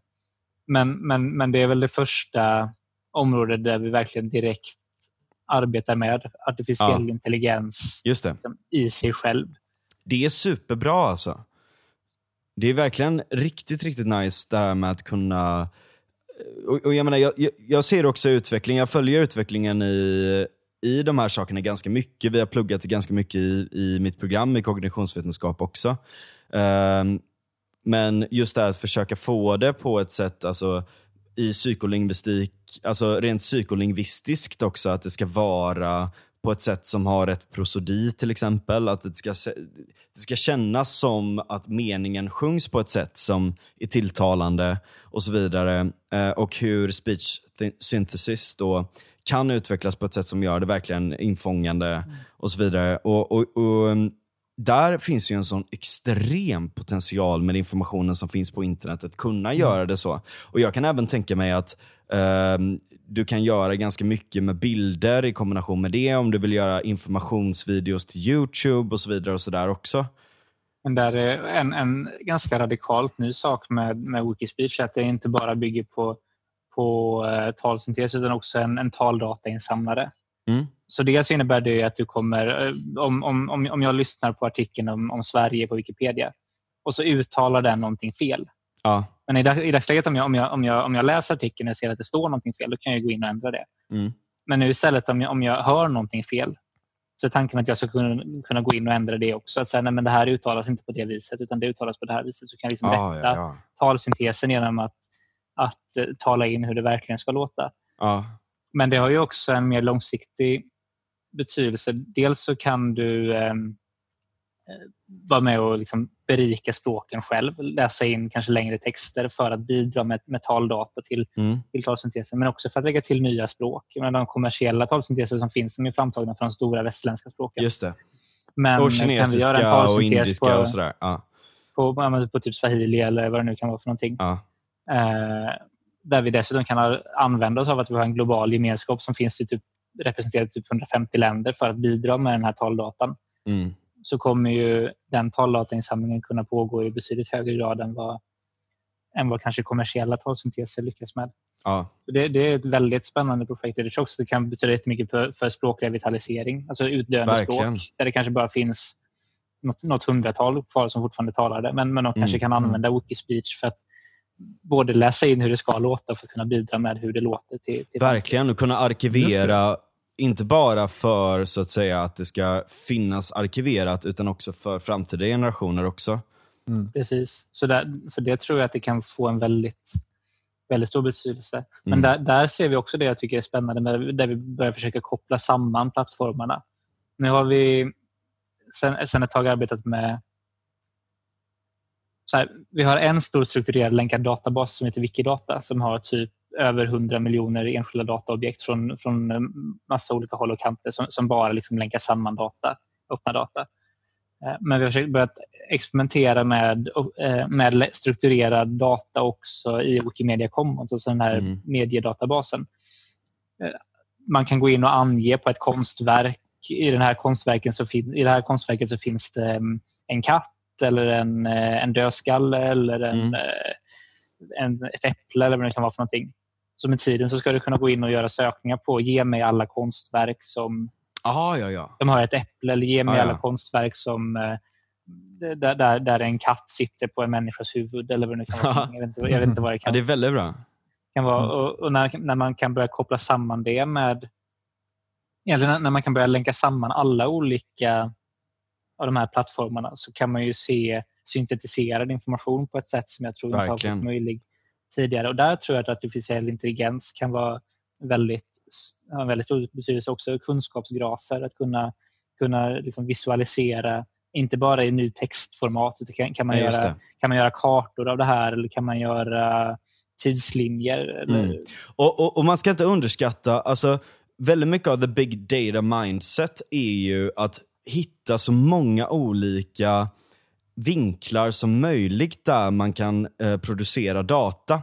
För att när man väl korskorrelerar det med varandra så kan man hitta sådana sjukt intressanta saker. Alltså om du korskorrelerar det svenska språket med eh, konst eller eh, just X och Y och så vidare, allt sånt där, så kan du hitta väldigt intressanta trender i kultur och idéhistoria, i vetenskapshistoria eller vad fan som helst. Liksom.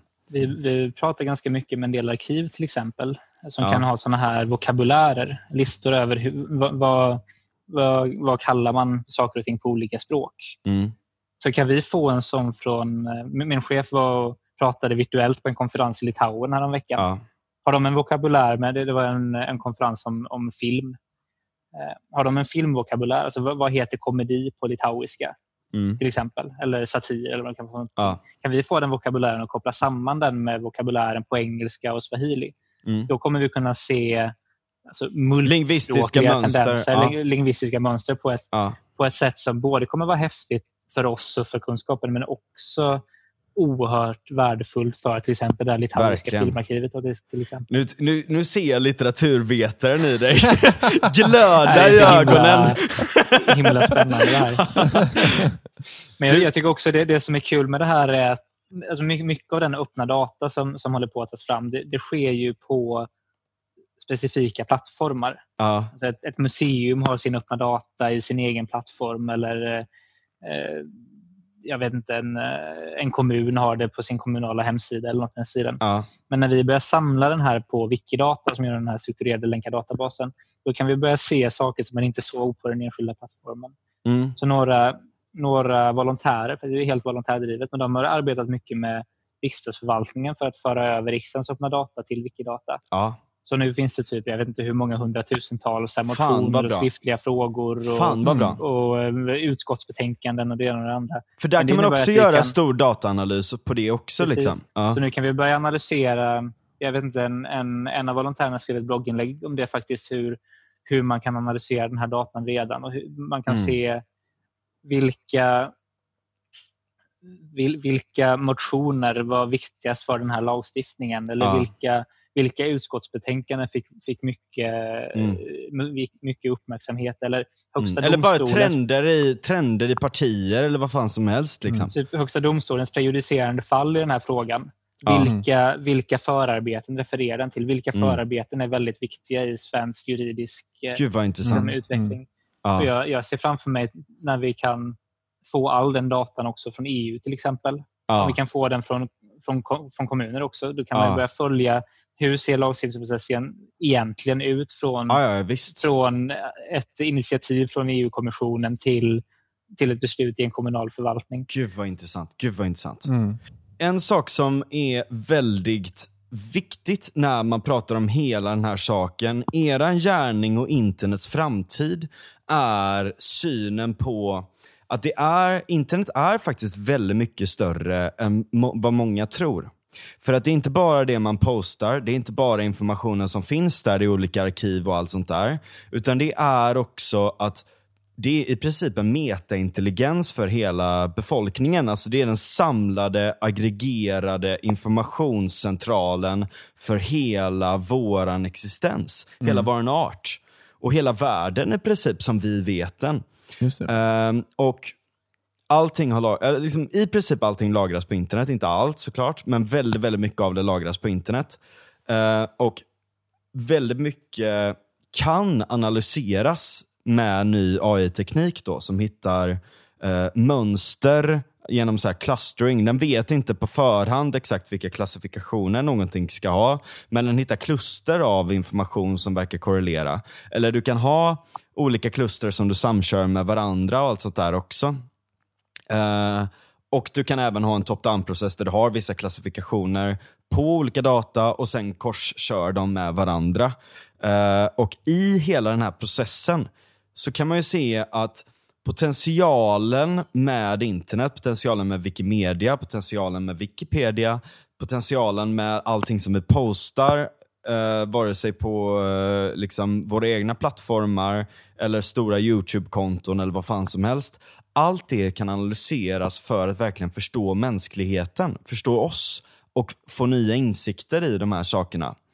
Eh, och Det är intressant både för historiker uh, och för, uh, som vi snackade om innan, där, lingvistiker. Hur de helt plötsligt kan få en extremt intressant analys på grund av att man har AI som kan analysera så extremt stora språkmönster. Mm. Alltså att en människa skulle sitta och lära sig till exempel alla språk och lära sig alla kombinationer av alla språk och alla mm. likheter. Mm. Det, då skulle man hinna dö innan. Ja, ja visst. Mm. Jag, jag, tror Frans att du, du, om inte du redan har sett på det, skulle gilla att läsa på lite mer om abstract Wikipedia. Har du ja. snubblat över det någon gång? Nej, jag har inte gjort det. Berätta. Det är ett försök av just några personer som kan väldigt mycket mer om artificiell intelligens och datastrukturering än vad jag kan och någonsin kommer mm. kunna som har funderat över hur man skulle utifrån den strukturerade länkade data som finns på Wikidata kunna automatiskt skriva grundläggande artiklar på ja, alla språk samtidigt. Ja. Mm. för att fortfarande och förmodligen under överskådlig framtid så bygger Wikipedia på att man på de olika 300, de 300 olika språk som encyklopedin finns på. Folk sitter och skriver in liksom, kunskap själva. Men när det nu finns på Wikidata, jag tror det är 100 miljoner objekt. Hur kan man använda dem för att automatiskt formulera mm. information som inte är på ett språk utan på alla språk samtidigt? Gud vad intressant. För det är, det, inte, det är inte bara analytiskt utan är generativt också då? Precis, och tanken är ja. att det inte bara ska vara för, eh, för forskningsbruk eller liknande utan du ska kunna läsa och ta till dig informationen fast att den är genererad av, mm. Eh, genom att helt enkelt strukturera och, och länka samman information.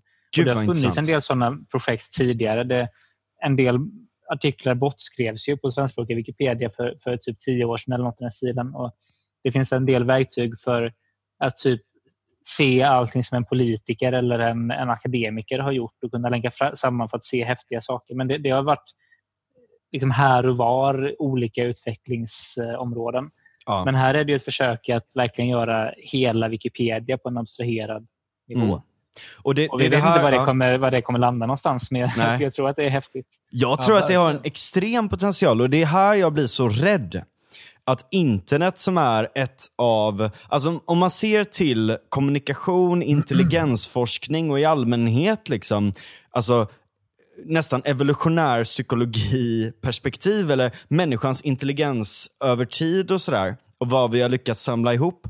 Om man ser hela det perspektivet och internet som någon form av den alltså en sammanlänkning av den globala intelligensen i världen, att det skulle kapas av några enskilda jävla intressen som vill göra det på exakt sitt sätt för att det har varit så tidigare, är livsfarligt. Ja, ja, visst. Tror jag. Det är det. Och, och, och det inte bara det för att, för att det kommer förstöra för de enskilda sakerna inom ljud och bild och, eh, och så vidare. Utan för att den, den infrastrukturen man bygger upp med ett extremt reglerat internet i så fall, extremt korporatiserat internet, där några enskilda plattformar är de enda som har råd att existera eftersom att kraven är så extremt höga och där allt innehåll som läggs upp är så extremt filtrerat då kommer man gå miste om den extrema potentialen i att ha den här massaggregerade informationen och analysera den, generera saker från den och utveckla oss som en art i princip. Nu går jag jävligt långt, men jag Nej, tycker men du att helt- det är väldigt viktigt. Absolut. Alltså. Det är en jättebra poäng. Verkligen. Nej, jag, jag tror att det finns jag tror att det finns en jättestor fara i att inskränka de öppna platser som fortfarande finns på internet. Och jag vet att det, ibland så har man kallat typ Facebook och så liknande för någon form av typ torg där alla kan mötas. Men, men jag skulle säga att det absolut inte är det. Utan om, om man skulle jämföra med någon form av fysisk verklighet så är ju Facebook eller Twitter det är ju affärer man går in i liksom som, som är, det är ju företag som du, som du besöker Mm. i den mån det finns. Skulle man försöka skapa ett digitalt torg så behöver det vara öppet och fritt tillgängligt för alla därför att det är så ett torg fungerar i verkligheten. Ja. Och där är det ju Wikimedia, plattformarna och några till som fungerar på det viset. Alltså du, du behöver inte köpa eller sälja någonting utan du är den du är och välkommen på dina villkor. Mm. Och det som man riskerar att förlora genom att inskränka och ytterligare privatisera internet som, som jag menar att lagstiftarna ändå gör, det är ju att man motverkar just de här öppna torgen till förmån för stora globala jätteplattformar. Och Mm. det tror jag är en, jag tror att det är en väldigt stor fara. Både, både för internet och för vårt demokratiska samtal. Mm. Verkligen alltså. Och, och, och där kan man ju se, alltså, i, i bemärkelsen privatisering, att göra det privat på sätt och vis. Att, att det är några enskilda som får bestämma över vad det är som får florera. Och vad det är som får läggas upp och vad, i, i vissa fall vad man får prata om och sådär också. Eh, många av de aspekterna gör ju att man lägger extremt mycket makt till några enskilda. Och, och där kan man ju säga att de här stora plattformarna, jag förstår hur många kanske kulturskapare och sånt där känner sig handfallna och liksom helt eh, liksom pressade under vikten av, eh, av sociala medier. Men, men, och, och, och det har jag stor respekt för. Liksom. Det behövs göras någonting kanske på den fronten.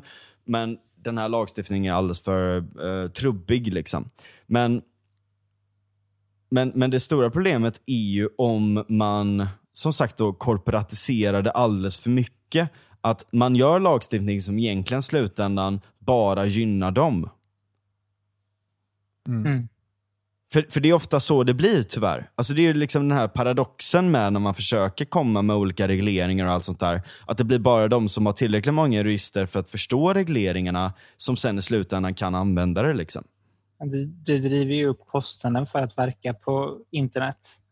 Det är ju inte bara upphovsrättsdirektivet som ställer till det utan det kommer ju också TERREG som man brukar förkorta det som, alltså ter- terroristlagstiftningen på EU-nivå som ju är på många sätt väldigt viktig och, försöker angripa ett oerhört viktigt problem men där man också ställer Mm. allt högre krav på digitala plattformar att, att motverka eller ta bort viss information. Och och återigen så förstår jag helt och fullt syftet men det man riskerar att åstadkomma det är att det bara är de stora jätteplattformarna som klarar av att göra det här på ett, Mm. På ett korrekt sätt. Och där tror jag att det är så jävla farligt, för att någonstans så sitter de på ventilerna för hela informationsflödet av mänskligheten. Liksom. Och kan liksom dra, dra en ventil här och dra en ventil där och liksom lite sådär. Bara påverka flödet av information.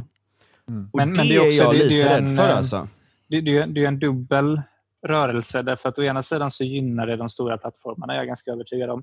Mm. Men det kommer ju också driva de som kanske inte vill vara en del av de stora plattformarna liksom ännu längre ut i periferin. Ja, ja, verkligen. Det man radikalisera riskerar dem, då, ja. det är alltså också utifrån ett typ terroristperspektiv, det är att det blir ännu svårare att övervaka och hitta det.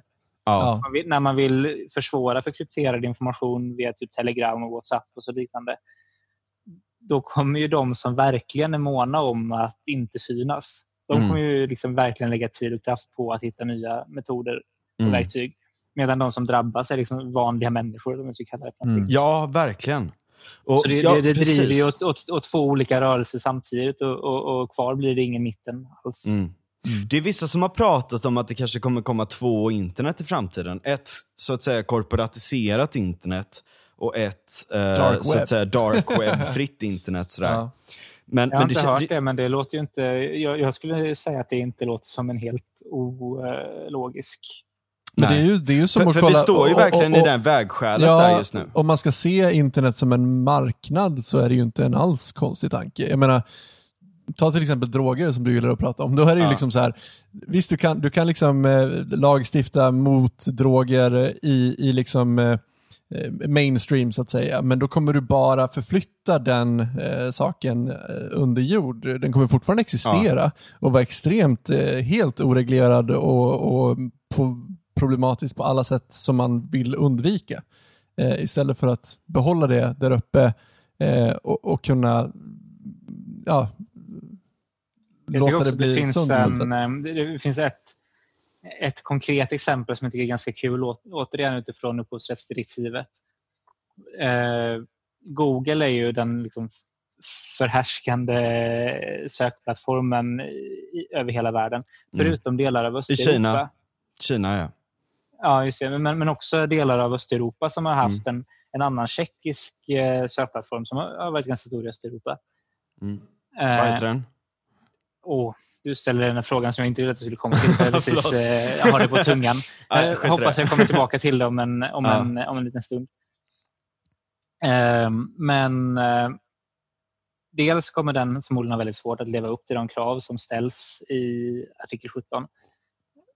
Och det riskerar att leda till att den plattformen går under samtidigt som Google överlever. Mm. Men dessutom så gick ju Frankrike ut typ för, för något år sedan och sa att man skulle lösa problemet med att det inte finns någon europeisk sökplattform Mm. och skapa en egen statligt finansierad variant istället. Varför är det Då- då-. Då, då så liksom motverkar man ju både med upphovsrättslagstiftningen men också genom att stater går in och liksom försöker skapa egna neutrala Ja. torg istället. Och, och det, Det finns... Det, det är en sån sak, eh, vad heter det, han heter Nick uh, Srnicek. eh, som har skrivit om platform capitalism då. Eh, och eh, då har ett så här, eh, kan man säga, socialistiskt perspektiv på allt det här. Där han då säger att liksom, okej men vi ska inte ge all makt till dem, vi ska ge all makt till staten. Liksom. Och han har, ja, men så här, han, han har några case med det i att man kan inte lägga allting, man, man kan inte låta privata företag bli mäktigare än stater. Och det är så här, man kan säga lite det ena och det andra om de här sakerna. Men han, Han har inte hört staten fram, och kapitalet va? Nej, precis. Men, så han, han framför ju några argument då för att man kanske ska göra på det här sättet. Det kanske, kanske är honom de har lyssnat på då. Men, eh, men, men, men det, det, det finns ett jävligt stort problem med det här och det är att stater för det första är jävligt dåliga på att bedriva företagsamhet. Eh, och för det andra så är det att om de har full kontroll med vad folk söker på, då kommer de ha total insyn i det. Och vem skulle vilja använda en plattform, alltså säga att jag vill söka på eh, typ så här, okej men eh, den här eh, sortens eh, gräs, typ, vad har den för cannabinoidprofil? Och vad är recensionerna på den på en plattform? Jag skulle aldrig vilja söka det på en statlig Ja, plattform. alltså, du behöver ju inte, du behöver inte fat, fantisera ens så långt. Jag menar, vi, för, för, de som inte har hört vårt förra avsnitt med Mattias Svensson om Systembolaget och så vidare, Ja. så kan man ju lyssna på det och dra sina egna slutsatser av Ja, ja, hur det skulle verkligen. kunna bli. Men hur sjuka staten är när de inser, åh oh, jävlar folk söker på det här, nu måste vi förbjuda allting liksom. Ja, Men, men det kan ju vara, liksom, jag vet inte hur, hur säker man skulle känna sig med, med statligt ägda motsvarigheter i typ Ungern eller, eller Polen om man söker Nej. på typ hbtq-information. Eller kan vara. Exakt. ja, just det. det Sesnam heter den tjeckiska sökmotorn som Ja, jag glömde bort vad den, eh, Ja. vad den hette. Men, Nej, men det är också anledningen till att Wikimedia-plattformen har valt att spara absolut minimalt information om användarna. Och det är ju jo- jättejobbigt ibland. Vi hade haft jättemycket nytta av att ha mer data om, om allt och alla och kunna följa vilka sidor man rör sig emellan och vilka Mm. det är som egentligen besöker sajten och hur man kommer in till sajten och hur man kommer därifrån. Ja. Men vi har valt att inte göra det just för att alla ska känna en trygghet oavsett var man befinner sig i världen. Om man är i Kina eller i Saudiarabien Ja. eller i, i Sverige med att, eh, att läsa vilken artikel som helst. Exakt, för om man ger staten den möjligheten och så helt plötsligt så kommer det typ SD eller Orban eller vem fan Ja. som helst som tar över. Då kommer de ha den totala insynen i det här. Mm. Typ hur försvarar jag mig mot nazister typ? Eller du vet vad fan som helst typ. Eller, alltså, så Både här. det, men jag menar, nu, Facebook vet ju inte heller vad, vad du har besökt för Wikipedia-artikel. Så du, du, du kommer ju aldrig få upp en annons på Facebook utifrån Nej, vilken, eh, vilken Wikipedia-artikel du har läst till exempel. Mm. Mm. Och det är så här, du, du är ingen kund på Wikipedia. Eller det, det är ju liksom hela, Nej. Men det här är ju liksom... Inte hela grundtanken, men det är en av de absolut viktigaste grundtankarna. Det här, det här är ju också liksom en sån här eh, eh, återkommande sak i, eh, i EU. Som, jag, för jag, jag gillar EU som en grundkonstruktion. Eh, jag tycker att det är ett av det bäst, någon- något av det bästa som har hänt i Europa. Att vi lyckades få en konfederation på det sättet. Liksom. Men just de här nya strategierna med att skapa så att säga techgiganter på hemmaplan genom subventioner har ju gått åt helvete. Rent, rent sagt. Eh, Economist har skrivit ganska mycket om det i, i liksom typ det här Finwire eller något sånt där. Som, där man bara pumpar in massa pengar och man gav dem specialrättigheter och allt sånt där. Så visade det sig att, ah, vad hände? Ah, men de blev ju höga på att de hade som frihet att de började bli korrupta och de började göra en jävla massa shady business och sånt för att de hade inte samma uppsyn. Och de andra sakerna man pumpar in pengar i, för det gick ju ändå bra tills det gick åt helvete för att de hade fel eller de gjorde fel saker. Men i många andra saker så är det bara att man tar folks pengar och ger det till ett projekt som inte funkar istället för att faktiskt skapa en lagstiftning som kan generera företag från grunden. Och där måste man ändå säga att Sverige har ju faktiskt, vi har skapat Skype, vi har skapat Spotify, Minecraft, massa andra stora datorspel och såna här saker. Och i de här olika sektorerna, alltså någonting som är gemensamt för alla sektorer där vi har skapat giganter så att säga, är att de inte är särskilt reglerade. Och Det borde ju sända en signal till EU att man löser det här genom alltså, öppna mar- eller så, här, eh, så att säga, harmoniserade marknader. Eh, är, är jävligt bra, men extremt hårda regler mot företag och mot hur man försöker bedriva verksamhet, det kommer, alltså, som man kompenserar med då att bara ge bidrag eller subventioner till företagen. Det funkar liksom inte. Men, men jag skulle också säga att alltså, om man tittar på upphovsrättsdirektivet så var det ett försök för att harmonisera lag, lagstiftningen. Mm. Men problemet var att kommissionen hade ganska långtgående harmonisering och sen så vatt- urvattnades det när rådet och parlamentet skulle, skulle hantera Ja. lagförslaget. Och kontentan är att det inte är så där jätteharmoniserande i alla fall. Nej. Så man har en ny strikt, eller hyfsat stri- strikt, strikt upphovsrättslig reglering samtidigt som den inte bidrar till ett av de viktigaste målen, det vill säga harmonisering av de europeiska medlemsstaterna. Från, från Wikimedias perspektiv så är ju liksom för, för, för oss är det ju viktigast att Wikimedia-rörelsen kan fortsätta att, att verka. Och vi har varit inne lite och pratat, eller vi, vi har gett en del kritik till exempel mot artikel 17 där vi menar att den minskade mångfalden som det skulle kunna innebära skulle också utgöra en risk Mm. eh, för Wikimedia-rörelsens framtid. Sen så är det ju mer upphovsrättsliga frågor, alltså rent upphovsrättsliga som vi br- bryr oss om och var vi kan ha våra plattformar någonstans, alltså var vi kan ha servrarna någonstans. Mm. Och det kommer ju bli en stor utmaning. Om, I USA pågår det ju en, eh, en diskussion där egentligen både Republikanerna och Demokraterna vill riva upp sek- sektion 230, heter den va? Nu blir jag osäker på siffran. Alltså den, Ja, den, sånt. my, Ja. den mycket långtgående eh, frihet som server eh, har för det, det material som finns på, på servrarna. Mm. Och Det är ju det som har gjort att vi har kunnat ha alla servrar i, i USA. Eh, om, om, om det skulle rivas upp och det också skulle vara svårt att ha. Det finns också en del servrar i Nederländerna till exempel som också har långtgående friskrivning av, av eh, servervärdar så kommer det bli svårt att veta var vi, ens kan, var, var vi kan ha våra servrar någonstans. Ja. Eh, därför att det ställs högre krav också i liksom demokratiska västländer på att plattformar ska stå ansvariga för det innehåll som finns på deras plattformar. Mm. Och det, det bygger också på en...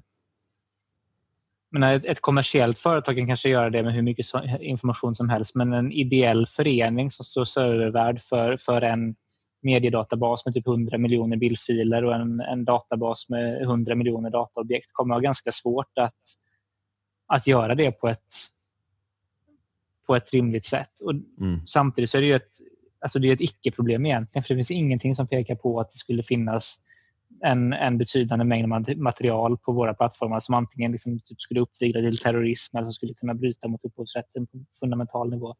Så det är, det är en oro hos lagstiftare som, som innebär stora utmaningar för Wikimedia-rörelsen. Ja. Mm. Ja, fan det är... Det, det är så jävla... Jag, jag förstår inte hur folkvalda politiker inte ser värdet i er verksamhet. Men det, det tror jag att de gör, alltså helt ärligt. Det, det, jag tror att de, de flesta ser ett väldigt stort värde i vår verksamhet.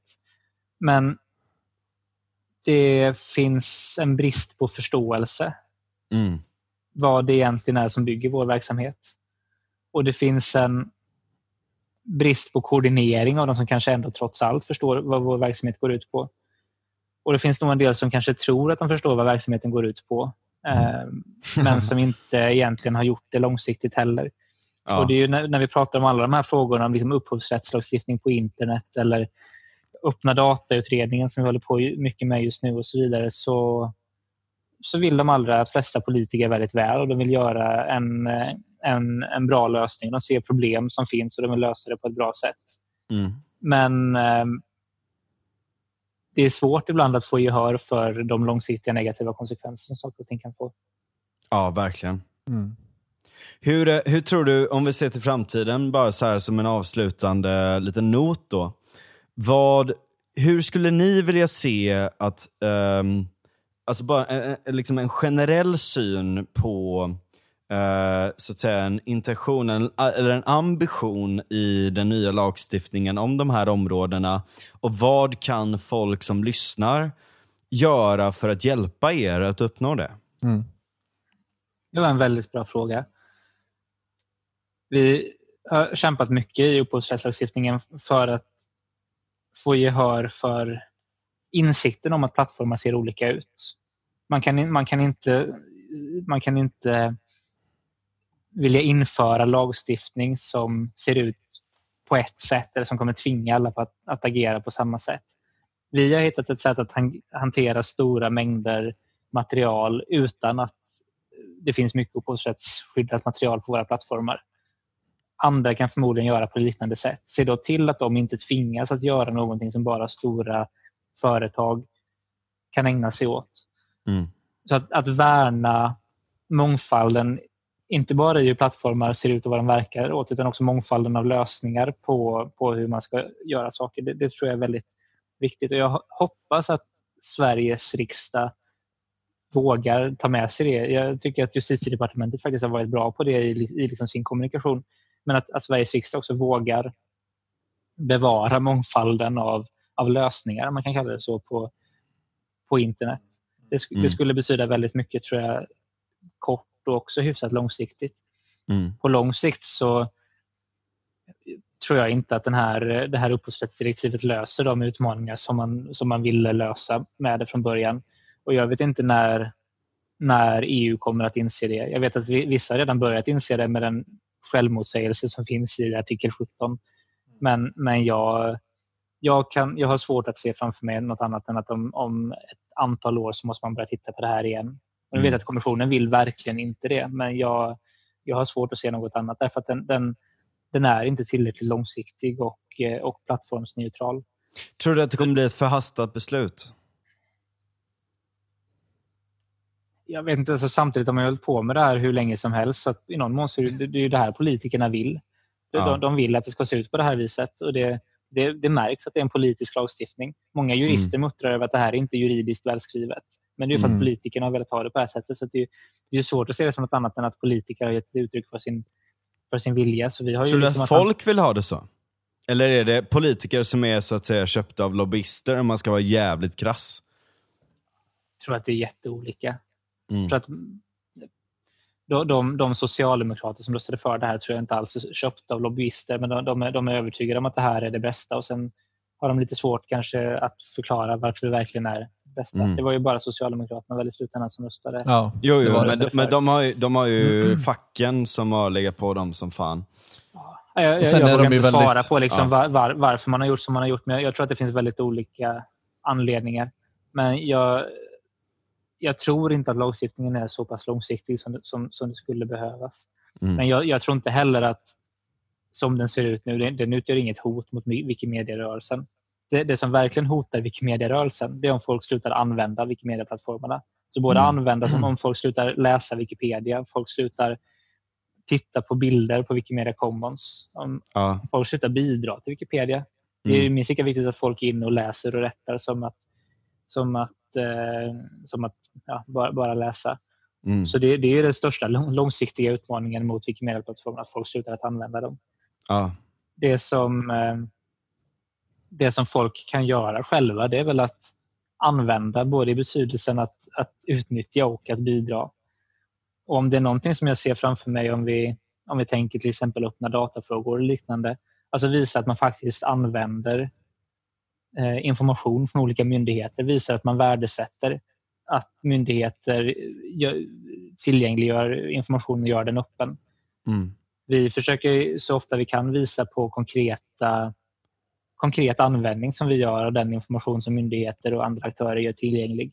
Men om fler gör det så tror jag att man kommer kunna komma ännu längre med att få, att få liksom samhället att öppna upp information. Mm. Så det skulle väl vara om, om, om, om lyssnare vill göra någonting så, så se till att använda Wikipedia, bidra till Wikipedia och om du är intresserad av, eh, av öppna data och datamängder, använd de öppna datamängderna och ja. lek med dem, laborera med dem och hör av dig till myndigheterna med vad de har gjort. För att Ge några kronor bara. Jag, ska fan, ja, det det. Alltså, jag, jag, jag, har tänkt på det skitlänge, jag har inte dragit tummen ur röven. Jag ska fan, eh, jag ska ge er, jag ska börja donera till er. Alltså. En kopp kaffe? Ja, en kopp kaffe. En kopp kaffe vore ja. väldigt tacknämligt. Det är ju alla, alla koppar kaffe som ser till att jag kan jobba med det här också. Ja. Och mm. mina kollegor. Och också att vi kan göra många häftiga saker. Jag är så, så jävla glad att du är där, Erik. Jag litar så mycket på dig. Ja, men det är skönt att höra, Frans. Det, det, är väldigt kul faktiskt. Ja, man kan ju jag... bli medlem i, i föreningen också om man, om man vill och tycker att det här är liksom roliga saker att hålla på och pyssla med. Så vi försöker mm. lära ut folk i hur man använder öppna data och, och så vidare. Ja. Är man intresserad av typ öppen kunskap och fri kunskap då kan man ju gå med i föreningen och engagera, eller engagera sig också. Ja. Just det. Ja, fan vad bra. Jag, jag kan tipsa också om, uh, alltså Johan Norberg har skrivit en låt, uh, förlåt, skrivit en bok. Uh, har skrivit en låt? Freudian slip. Uh, Johan Norberg har skrivit en, nej, Johan Norberg, uh, Johan Norberg har skrivit en bok som heter Leva och låta dö. Som handlar ganska ja. mycket om kan man säga, essensen av det vi har pratat om. Crowdsourcing och kreativ förstörelse och förmågan att så att säga samla väldigt många människor för att skapa nya saker och ting tillsammans och att eh, kreativ förstörelse faktiskt är någonting bra. Även om vissa saker försvinner så får vi nya bra saker och ting. Inte hänga um, kvar vid det gamla som Nej, precis. Så, så bara... För er som vill liksom verkligen läsa in er på principerna bakom det vi har pratat om, mm. så kan jag verkligen uh, rekommendera den boken. Absolut. Uh, och uh, så hoppas jag att alla stödjer Wikipedia efter det här, mm. eller Wikimedia också. och så hoppas jag att vi hörs snart igen, Erik. Detsamma, detsamma. Ja, fan vad, eh, vad kul att ha med dig alltså. Ja, ja men det, var, det var kul det här. Nu har jag fått fundera lite på, på vad jag gör om dagarna. Nej men, ja fan, det, det finns, eh, jag kommer säkert komma på tusen frågor och ställa dig efter det här. För det, det är så jävla fascinerande ert arbete och vad ni gör för att verkligen kunna etablera en grund för, jag börjat, jag har pluggat mycket big data på sistone liksom. Eh, och, och blivit mer fascinerad för de frågorna. Alltså. Så att, det, det är väldigt, väldigt kul. Vi har ju en grupp på Facebook där vi kanske skulle starta någon tråd eller någonting och diskutera det här. Ja, och folk får jättegärna ansöka om att gå med i den gruppen. Vad, vad Ja. heter gruppen? Den heter Resonans podcast. Ja, precis. tror jag. Så där kan man gå med. Och följa Ja. oss på Instagram Så tycker jag också att man ska Erik, göra. jag lägger till dig i den gruppen. Ja, precis. Så och så kan får vi vi... se om, om våra lyssnare har lite frågor och så får de gärna ställa det och om inte vi kan svara på det så kanske du kan göra det. Ska göra mitt bästa. Ja. Tack som fan alltså. Ja, Det var tack kul. som fan. Ja. Hej då. Hej då.